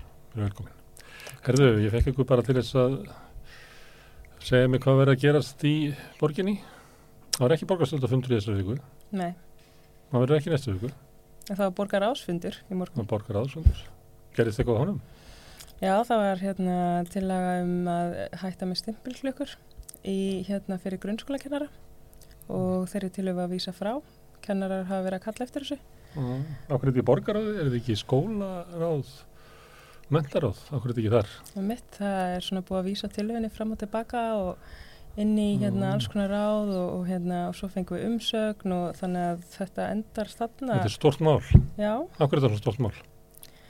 Það er góð spurning sko, við vorum öll á frambóðsfundi 9. mæ, bara korstir í kostningar, mm. þar sem að fulltrúar allra flokka, sem sagt uh, svöruðu því að þau myndi berjast fyrir þessu máli, að þau veri sem sagt sammála. Þið meðal annars? Já, við meðal annars og svo endur þetta í borgaræði en já, þetta því að þetta telst að vera svona mannöðus mál í rauninni. Mannuðsmál, hvað er það? Já, eitthvað sem tengist starfsfólki og kjörum. Þegar ég var ungur, það var ekki til neitt sem heitir svona. Þeir komu inn þegar sko, fyrirtækinu ætluði að kúa sko, starfsfólkið svo mikið mm -hmm. að hérna, forstjórin, hann bara meikaði ekki lengur að horfa sig við starfsfólki og segja hvað hann ætlaði að gera. Þannig hann reyði sem mannuðstjóra sem sá um þetta. Mm. Ég veit ekki Þetta er kannski svona svolítið hægni í þessu en þetta er samt svona oft það sem er báða til meiri fjallag. En þetta er skrítið mál sem að dinglar það með styrfuglukkuna. Já, það er búið að vísa. En veistu það, okkur vilja kennar losna styrfuglukuna? Upplefa bara að þetta sé svona mikið eftirlit og vantraust og þetta náttúrulega er ekki mæleining á runni hvernig kennarar er að vinna. Nei. Það er ekki þetta að mæla það eitthvað í þessu Nei. og það er enginn þörfa á þessu. Þetta er ekki eitthvað svona bundið í, í kjærasamningum eða neitt svoleis. Þannig að upplega svona emitt skilabóðin er ekki hérna til kennara við tristum ykkur fyrir því sem þeir eru að gera og kennara náttúrulega bara mæta dagstæla í vinna og, og við sjáum strax ef það er ekki. Já, þau vilja bara sé hringt inn í tíma og ef þeir eru búin að undirbúa sig þá fara tímandi vel og það þarf ekki að vera eftirlitt frekar með því hvar og hvernig þeir undirbúa sig, býstu við, það ekki. Herðu, hvað er hérna, hvað er það að ræðum? Við ræðum húsnæðismál? Já, við hefum ekki verið að skoða það mm. og hérna hvernig húsnæði getur verið svona félagslega uppbyggt og það er náttúrulega mjög mikilvægt og svona umræðan í kringum félagslegt húsnæði er oft mjög neikvæð að það sé eitthvað svona sem að hérna, þú eigir e, bara að fá ef að þú býr við mjög slæmar aðstæður og, og svo ef þú fáir félagslegt húsnæði að þá þurfur einhvern veginn svona að fá tækifæri til að komast í svona alveru húsnæði eins og mm. kannski meira sett fram að félagslegt húsnæði sé eitthvað verra sem það er náttúrulega alls ekki. Þetta er svona í Reykjavík að til þess að fá félagslegt húsnæði þá, eða fólk segir það er ekki nóg að vera fátökur sko. Nei, alls ekki. Þú þarf að vera eiginlega bara niðurbrotin manneskja á öllum sviðum lísins. Emitt. Og já, ég sitt í áfríðinu nefnd velferðarás og þar fáum við mál þegar að hérna, einhver hefur sótt um til dæmis húsnæði, fengið sinjun á þjónustumistuð mm og þá fá að heyra bara sögu þeirra sem að sækjum og, og hérna þetta er oft mjög átakalegt en samt þrátt fyrir það þá er eins og fólki uppfyll ekki alltaf skilirði til þess að komast inn á þá bygglista eftir félagslega leihúsnæði. Já, Eins og hvað fyrir okkur sem höfum ekki verið í stöðu? Þetta eru tekjumörk til dæmis Já. og þetta eru félagslegar aðstæður þannig ef þú ert svona uh, strítandi snauður eins og hefur verið talað um mm. á Íslandi þú ert uh, í fátækt og vinnandi mm. að þá getur þú átt í hætt á því að upplifa ekki allar þessar félagslega aðstæður til þess að geta fengið leguhúsnei af því að þú færð stig fyrir stöðina hvort sem þú ert þá vinnandi, öryrki um, atvinnulegs og svo framvegs mm. og svo er líka stigafjöldi út frá fjöldabanna þannig að það eru alls konar stig sem eru gefin mjög þröngt. Þannig að þó þú sért í fullri vinnu sem að þú getur ekki lifað af og allra síst á legumarkaði þá dugar það ekki til að fá að vera á byggðlist eftir félagslega úsnaðir ekki. Nei. Þetta er ekki svona í útlöndum? Nei, nei, við sjáum til dæmis við hefum hérna mikið verið að líta til Vínaborgar í Östuríki mm. og þetta er hérna oft hvorsin svona besta borgin, lífvænlegasta borgin til þess að búa í. Og hverju rauða vín síðan? þetta er svona hundra það er sósialistar völdum? Emmett, emmett. Mm. Og byggðu félagslegs húslægi? Nákvæmlega. Hundra ára svona saga uh, þess í rauninni þar sem það líta á húsnæði sem mannréttindi. Og þetta er mjög falleg hönnun, þetta er letrikt, þetta er meira svona hérna samfélagslega byggt, það er hérna hugaða þörfum, það eru hérna leikvellir, græn svæði. Svo voru til dæmis í fyrstu húsunum sem voru byggða, þá voru eins og bókasöfn og alls konar svona mm. Miklu auðveldra tilheyra einhverju samfélagi þegar maður býr aðna og það er ekkert eitthvað að vera að skerða við einhver ákveðin er hugsað fyrir láluna fólk og líka bara fyrir millistjættina að við hefum vel rétt á húsnæði þannig að þetta er byggt upp þannig og í kringum þau sjónamið. Hmm, þannig þú ert ekki rekin úr húsnæðinu ef þú fær launa eitthvað? Nei og eins og hérna uh, starfsmæður sem að hefur verið sagt, að útfæra þetta í Vínaborg sæði einu sinni þegar ég las viðtal það var að sagt, uh, við bara samgleðins þér ef þú fær launahækkun, við erum ekki að fara að henda þér út. Hvað gerir þér ekki á ekki ef ég er já, með íbúð frá félagsbústum mm -hmm. og skrifa meðsölubók? Og fæ bara 20 miljónir í, í rillun, mm -hmm. hvað mhm. gerist? Það verður vondum málum en það er aðalega þegar það kemur að því að það þurfi að fara að skoða tekiðinar eins og til dæmis að þú sækir um milliflutning eða þú ert í húsnæði sem hendar ekki þínum þörfum eða þú þarf kannski að komast í annað hverfi. Þau fattaði ekki að meðan ég hef með háu tekirnar svo framlega sem ég er ekki á að geta sett að þetta er þetta við þau. Já það er svona hérna Uh, það er líklegast að veri bara tekið eftir í þegar þú átt erindi við þau. Mm. en svo er maður endar alltaf í hættu náttúrulega ef maður er orðin of tekið ár mm. Þannig að þið viljið við horfum til vínar það er oft sagt hérna að þú tala um svona hugmyndina hérna að það með ekki vera of margar að þú talaður um svona samfélög það sem eru samfélög félagslegs húsnæðis með bókasafn og hlera eins og var endar á verkamanni bústunum á Ringbrödd það voru hérna borgarbókarsatvarðar og það var svona uh, heilt samfélag. Uh, hér er, heyrir maður sko fólk tala um að það megi ekki vegna þess að það verði bara slömm þetta er náttúrulega bara fordómar mm. fátökum fólki að hérna að ef of margt fátækt fólk búið saman þá ger eitthvað slæmt það er mm. náttúrulega alls ekkert þannig og um, ég heyr oft rauk fyrir þessu eða svona fyrir því að það þurfa að vera þessi svo kallega félagslega blöndun er að, að það sé oft hérna vandamál þar sem að margt fátækt fólk búið saman en þá spyrir maður að það bara, vantar ekki bara stuðningin inn í líf þessar fólks, ekki að fátæka fólki sé eitthvað vandamálið þannig að það er svona hérna, umræða sem er bara mjög neikvæð og svona talar hérna, þá fyrir því að, að fátækt fólki frekar að vera ánheimilis heldur en að þessu byggðar upp e, íbúður sem að henda þeim Ég bjóði í breyðvöldinu. Það er bara skemmtilegt hverfi. Og margt fólk á mínur ekki talar um breyðvöldi með bara með mjög mikil líu til öskunar. Það er skemmtilegt fullt hverfið að börnum. Ég bjóði líka vógunum sem var svo leiðis. Vandamálinn sem var að talað um í breyðvöldinu að áratu áður var að talað um vandamálið í, í vógakverðinu. En ég held að ég veit ekki hvað þetta er. Mm. Það verður ekki verið talað um að setja félagslegar íbúður í svörtublokkinarnir við skólagötu. Það er engi félagslega blöndun, bara stóruðut fólk á öllum hægum. Emitt, og það ætti nú að vera hérna, í takt við stefnu borgarinnar að taka við 5% af nýju íbúðunum þar og setja til mm. félagsbústa. Það er margt vond gæst þegar mikið að ríka fólk með saman. Herðu, húsnæðismál, hvað er að tala um? Það verður hérna, fyrir jólinn var mikið talað um heimilislusa komið meðlan heimlistur fólk hér í, við Rauðaborðið og sögðu frá sinni stöðu, sögðu frá hugmyndu sínum að stofna félag sem er hétt góðu nafni, hvað er þetta? Viðmót. Viðmót? Hvað er að frétta því? Eh, það er í rauninni bara mjög lítið að frétta af því eins og við höfum séð núna í fjölmjölum að þá þegar það er uh, ískallt úti að þá eru neyðarskilin opinn yfir allan daginn og það er sérstaklega þannig að það opna klukkan 5 uh, setjumpartin og svo lokaðu klukkan 10 þannig þá þarf fólk að fara út en þegar það er sérstaklega kallt að þá er neyðar áallin í málaflokki heimilislausra með miklar og flokknar þjónustu þarf verið svo að kalla það þá er þessi neyðar áallin virkið ef það eru gular viðvarinir eða appisunnugular og ef það er útlitt fyrir að vera mjög kallt að þá með heimilsleysir verinni í skílunum. Á það ekki við um alla sem að eru þráttu þetta nafnsótt að segja með floknar hérna, það á bara við alla sem, að, sem er neyðarskíli hann á hverki heim og hann er með mjög flokna félagslega stöðu. Nákvæmlega.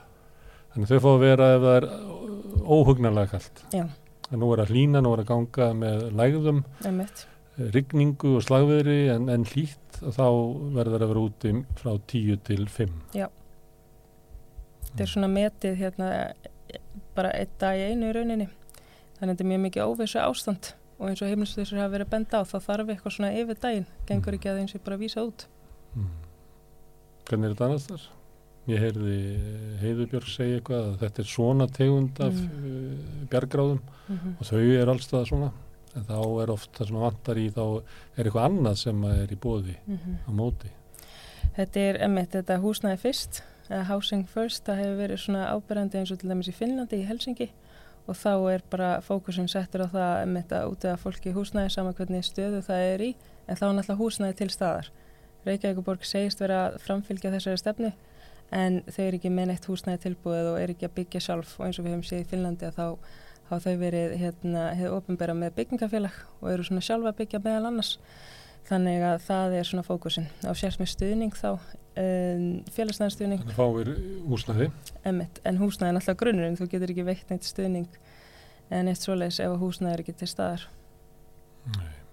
og hvernig húsnæði verður það? eins og er út á Granda og upp í Guðunissi eða bara fjölbreytt. Já, það getur verið eins og svona smáhísi eins og það er kallað, þá býr bara ein manneska í hverju hísi fyrir sig. Mm.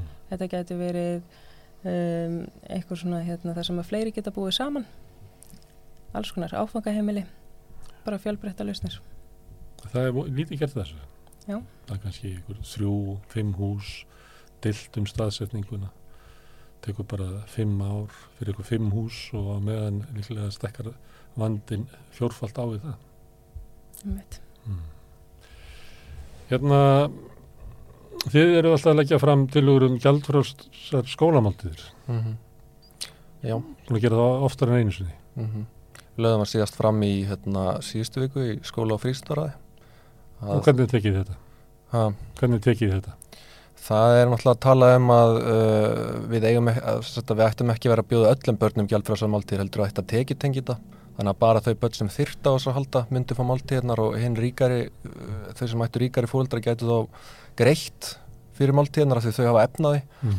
En við hefum bent á að, að þetta er náttúrulega bara mantra sem kom frá hærinu og nýfrálsækju tímunum að, að það var, myndaðist ákveðin sátt um það að lækka skattan á þá tekju herri en, en á móti myndu þá bara borga eins herri gjöld hér og þar mm. og það er eins og að margt fjálsækju fólk hafa einhvern veginn bara samþýtt þetta. Gleir til dæmis. Já og hérna og Samfélkingin, alþjóðflokkurinn lagði til sjúklingagjöldin. Já, já. Það taki gjaldtöku í heilbyrðiskerfinu Akkurat, þannig að þetta er eitthvað svona mantra sem er alveg föst í hausnum á mörgum og, og að fólk á erfitt með að samþykja það eitthvað neina að við hérna, séum bara að íta meira á samneisluna þannig að hún virki fyrir öll börn. En þetta er þetta líka eins og við erum að segja börn og það hafa ekki rukkaði hmm þá er eh, eins og þeim vil sjá það að það fengi all börn frían mat í skólunum mm. og svo eru skattanir notaði til þess að aflega þess. Reykjavík hefur ekki alveg tök á því að hækka skatta? Nei, náttúrulega hún hefur ekki tök á því en við, eins og við hefum oftur að tala um að þá viljum við beita þrýstingi á ríkisvaldi að það veri tekið útsvara fjármakstekjum uh, við lögum fram til um það með þess að, að borgin myndir hennilega skora á ríki að gera en, en þau bara sögðu neyfi því meiri hlutanum en ef borgin myndi vilja þá gætun verið miklu harðar í gagvart ríkinu beitt uh, alveg um þrýstingi þar á til að fá þessar tekjur inn. Uh, við rámar í að það getur hafa nást 8 miljardar held á síðast eða verið að fullu lagt á. Ef það verið að fullu lagt á. Það er í stjórnarsáttmálunum að leggja útsvara á fjármastekjur en þó þannig að að segjum við setjum 100 hérna, miljónir í fjármastekjur og þá er reiknað eitthvað að af því er kannski 750 skallar mánuð í laun og þú borgar útsvara því. Þetta er ekki það sem að þið hefur verið að leggja til. Nei, þetta er ekki það sem við verið að leggja til alls ekki. Það myndi ekki miklu breyta. Nei, ekki miklu, meður. Nei og eins og við sáum í dag að þá er bara verið að fara að fresta þessari til og ennfrekar Bjarni mm. Ben hann er bara búin að láta þetta í skúfu mm. Þó svo þetta sé svona lítið Þó svo þetta sé svona lítið Og ef þú tekur listan yfir sko 3000 ríkustu eða hvað þetta er byrtan að þessi langi listi þá eru fólk þar sem eru með enga launatíkur en það er mikil minniluti það er mjög algengt að fólk sé með eitthvað svona 500 Já. kannski miljón en svo í, í, í launatíkur og borgar útsara því mm -hmm. en svo er það með kannski 10 miljónir á mánuði í, í fjármastekjur og borgar ekkert af því. En þetta, mm. þessi breyting sem að ríkistjóðunar stefna myndi engur breyta fyrir það. Nei. Og svo hefur verið að benda á líka að hérna, það er álíka fáralegt að vera að tekjutengja göld fyrir matin svo við verðum bara að segja við, herru, hérna, börnin sem að í ríka fólkdra, þið þurfa að borga fyrir skólabækunar, þið þurfa að borga fyrir að fara á klósettið, þið þurfa að borga skólagjöld, þetta er náttúrulega bara samneistla og við hefum ekki heldur að vera að byggja upp stjættaskiptingu hjá börnum. Mm. Við erum að tala um það, þannig að ég ásvöld er eftir með áttam á þeim rökum að, að við séum að hérna, hyggla þeim ríkari með þessu þetta er bara samnæsla sem að týðkast á mörgum öðrum sviðum mm. Og vil ég ráti þetta að ganga yfir hleyra allir fóðu batnabætur Já, til dæmis Það, eru, mm. það er í mörgulöndum, ekki hér Algjörlega. Hér eru batnabætur Ég segi ekki fátakarstyrkur, en það liggur mm. við til þess að vaksta bótakerfið og húsnæðisbótakerfið sé fátakarstyrkur. Þú þarf eiginlega að vera með fáránlega lágar tekjur. Það byrjar, byrjar að skerða sko undir lámaslunum. þá byrjar að skerðast úrstæðisbætt. Þetta er náttúrulega leið til þess að fólk þá, sér þá ekki pointið með þessu velfærikerfi. Ef það er ekki að fá neitt fyrir skattana sinna, þá er mjög öll að samfara fólkum, er ekki bara að læka skattana og þá skerðir svo þjónustu sem er kortið léleg. Þannig að mm. þetta er náttúrulega bara allt á forsendum hærisins. Já, það er kenning að, að það sé planið Já. það er kannski ef við sögum 1980 þá var kannski 1% af fólki sem sá ekki hagið í að borga skatta mm. því það hafði svo mikla tekjur að gætt keift sér eh, átti fyrir eftirlönunum sínum gætt keift sér heilbriðið þjónustu og alla félagslega þjónustu sem það áþurft að halda og svo var það hvernig getur við fært það neðar í stígan að finnast eins og þú setja að borga í skatta og fá er ekkert fyrir það mm -hmm. og þá er byrjað að taka uh, barnabætu fyrir alla sami ellilifri fyrir alla þetta sem var grunnurinn af velferðarkerfinu það er brotið niður. Og ég las grein ekkert um að það verið svona 6-7 árum band, í bandaríkjónum það sem menn voru að spáði sko hvenar ef, að þið, ef þú lætur þetta viðhorf ég fæ ekki fyrir skattana mína hversu neðalega þarf það að fara þannig að komi á point og no return Já. að það verði bara sko verði bara fallen state eftir það þannig að skattan er bara hverfi og almenningur hérna, telji sig ekkert hafa við ríkið að gera mm og mhm. þá voru menna velta fyrir sig að það geti leiði bara í svona 76% mm. að þegar það sko 24% eru komin þessar skoðunar að þegar 1% viðbátt eftir að þá er líklega ekki hægt að ná þessu upp aftur Já. því að, að sko eins og þið hafið talað um og þekkið að þá er aðgangur okkur að valdi og öðru slíku eigst eftir því sem eru um hærri tekjur. Og það er svo hérna 75% af fólkinu er svo með veika rött í samanbyrðu 25% að það er erfitt að sjá nema náttúrulega með einhverju þræla upprýst Já, við erum komið mjög nálagt þeim tímapunktu og ef við horfum á löndis og bandarækin þá er maður ekki bjartsýtt vegna þess að það lítur út fyrir að það séu þau bara komin einmitt framfyrir þannan punkt og við óttum svolítið að við séum á leiðinni þánga þegar við stoppum ekki Við erum á sömuleið, kannski erum við ekki á sama punkti en við erum að feta okkur sömuleið. Við hefum þann kost að geta séð sko hvað gerist þar, bandaríkjumenn sáu ekki endilega hva, í hvað stemdi eins stór hópur og við sjáum það hér að því við hefum fordæmi fyrir það að horfa þángað. Mm. Þannig að við ættum að vita betur. Herðið að því að ég nefndi hérna heimilislösa sem kom hinga við rauðarborðið hérna fyrir jól og þá kom líka hérna fólk frá Vín, mjög skemmtilegt samtal við bæði þessum að unnu á vinn og, og þessum að nýttu þjónusuna og það stóð til að loka því vin á hverfiskutinni sem Rauðikrossin rak mjög lengi en borginn tók yfir bara fyrir skömmu held ég bara einu hálf ári. Og, og það var tilkynnt að, að því svona sparnaði til um að loka því. Svo kom tilkynningum að ætti ekki að loka því hvað strax Í millitíðinu var talað um að þetta væri eitthvað svona endur, að það væri verið að endur skoða starfseminna og hvort það var þetta samþætt þetta við félagsmiðstöður borgarinnar eða samfélagshúsin eitthvað svo leið sko. Og svo bakkaði meiri hlutin með þetta og byrjaði að tala um að hérna vinir þau opið út árið. Uh, Út síðan ár?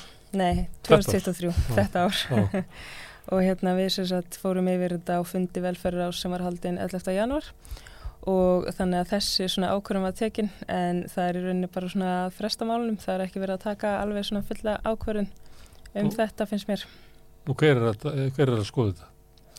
Þetta er, sagt, þetta er komið í stýrihóp, eða starfshóp og, og þar inn er sagt, fólk frá velferðarsviði og svo að vera fulltrúi vinjar uh, frá ÖBI, geðhjálp mm og svona, já, það er svona helsti hópunum sem er að skoða þetta og að koma með tilögur að útferðslu um hvernig starfseminn eigi að líti út og það er talað um að svona tvö sjónamið uh, svona stangist á, reykist á hvort annað að það sé hérna annars vegar mikilvæg þess að hafa eitthvað svona sér úrræði fyrir þessa manneskjur sem eru emitt með hérna gæðuraskanir mm. og svo hitt sjónamiðið að við hefum ekki að vera flokk okkur í svona hópa að það sé bræðilegt að samfélagshús eða félagsmyndstöða borgarnar getur tekið á móti fjölbreyttum þörfum mm.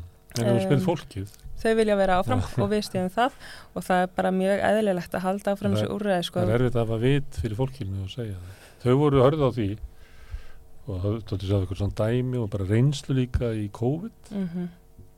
að hérna þau þetta fólki sem kemur þarna myndi ekki fara í annað. Nei og það er búið að byggja upp allt þetta. Þau eru lóksins komið þangaðinn komin með þennan stað og treyst er að fara ángað mm. og það tekur alveg, hérna, það getur verið mjög erfitt að koma sér, svo ertu lóksins komin að þá er bara að rífa þetta niður ja, og svo eru verðmætti í samfélaginu sem er þarna, hefur byggst upp skákfélag og ferðafélag og svona bara mm -hmm. þetta er mhm. ákveð samfélag sem er þau er ekki það er ekki hægt að búa þau til í Excel sko Ó nei Mm. Svo verður svo mikil óreðalega í skilabúðunum í kringum þetta en Einar Þorstens talaði um daginn veldi fyrir sig hvort það var ekki bara hægt að koma sjálfbáðlegum fyrir í þetta og mér finnst það að vera mjög mikil vanvering að tala á þennan hátt Já, Það eru reynda sjálfbáðlegur þetta Já, eru núna Já, þegar það er til dæmis hérna, En geðhjókurinn að fræða Það tekur ekki laun sko. Já En þú veist ekki, eh, skilabúðin hans voru að því að það var undirskriftarlisti. Láta skáta það bara í það. Já. já, er ekki bara einhver hérna á þessu lista? Það meina, já, myndið eitthvað en þannig, sko. Mm -hmm. Það er náttúrulega,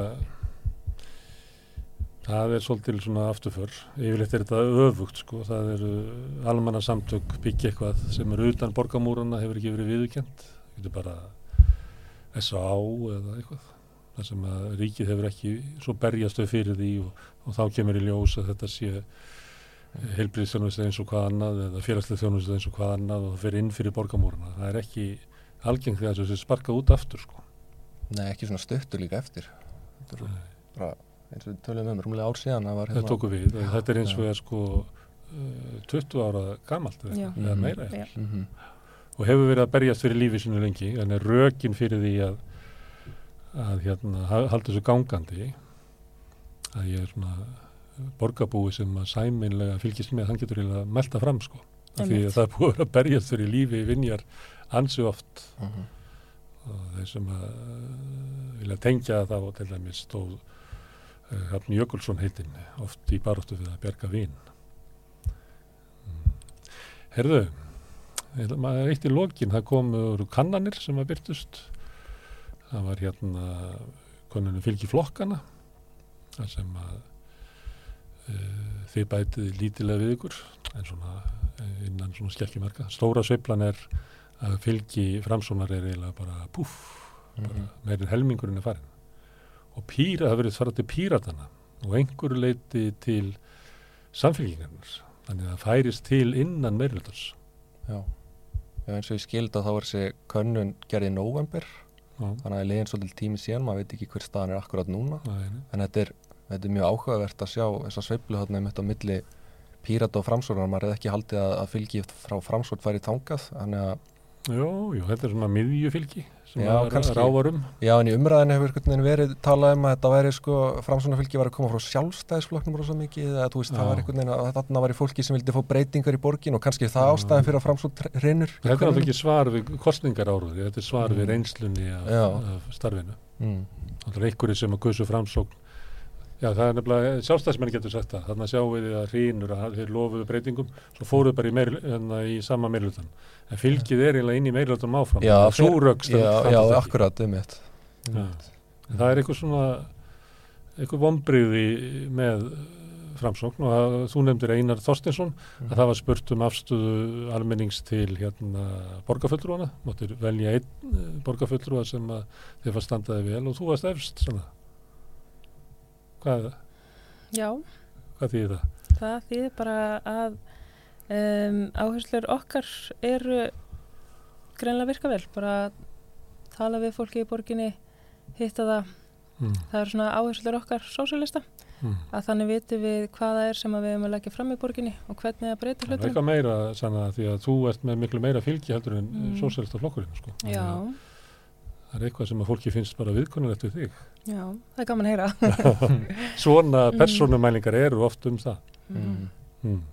Það er náttúrulega heyrt frá fólki sem kýs alls konar flokka því líkar mjög vel við sönnu, bara þú veist, úr öllum flokkum, Já. þannig að það kemur mér allan ekki óvart. Nei, ekki mér. Nei. Ég er um það, það sem ég fyrir um bæinn vil fólk oft tala um sólstaflokkin og ég, þetta kemur mér ekki, bara ekkert ávart. Nei. Fólk talar mikið um sönnu, hvað hann ána með hana. Mm. En það hérna var spurt líka um afstöðu til hvernig finnst þið meiröldi standa sig? Og það var ekki gott, eitthvað 21% og svo var spurt hvernig stendur minnilutir sig? Og það var heldur ekki gott. Mhm. og uh, eiginlega hryllilegt sko, 11%. Ég, reyndar er það alltaf þannig að stjórnarnarstað fær lægri mæningu Mm. og það getur tengst ímsu eins og það fylgir því yfirleitt að vera í embættum.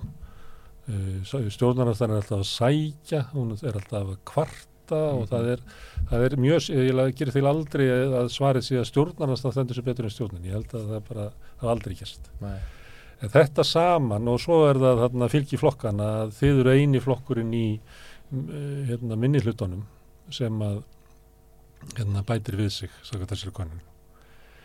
Er það ekki svolítið erfitt að vera í svona minnihluta sem er ósamstíga sjálfstæðsflokkurinn náttúrulega bara á einhverju bara sinni leið eh, svolítið sár í vondri stöðu svolítið desperat að finna einhvert, einhverja fjöl til þess að stökka á svona falli stórveldi í einhverjum erfileikum flokkur fólksins eh, svona eins og hann er Mm.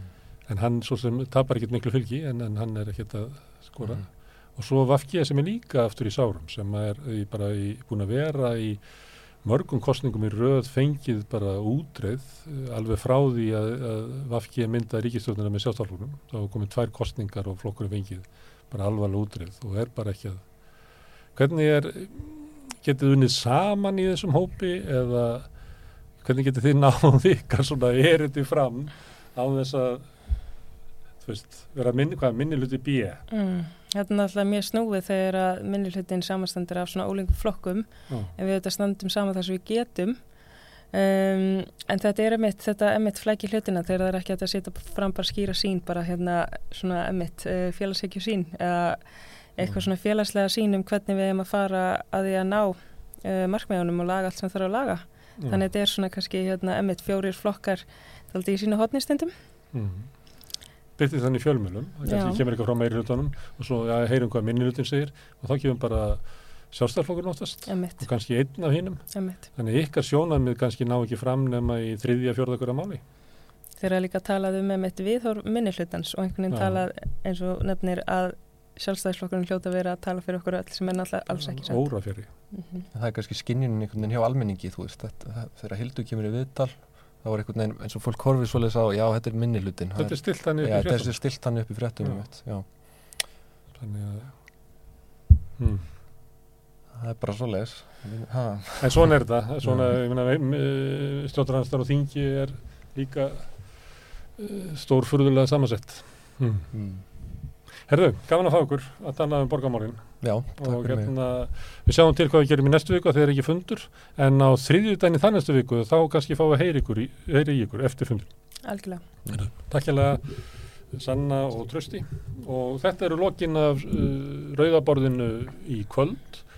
Og svona venjulegu rauðaborðsþáttur er næst á mánudaginn næsta. En á morgun ætlum við að senda út uh, tvö förstudagsvitöl Það er hérna viðtöl við uh, Gilva Sóega sem ætlar að tala við okkur um efnahag í heiminum og verðbólgu í Íslandi. Hann er í peningamála nefnd og er að leggja til að hækka uh, vexti eða, eða lekka þá.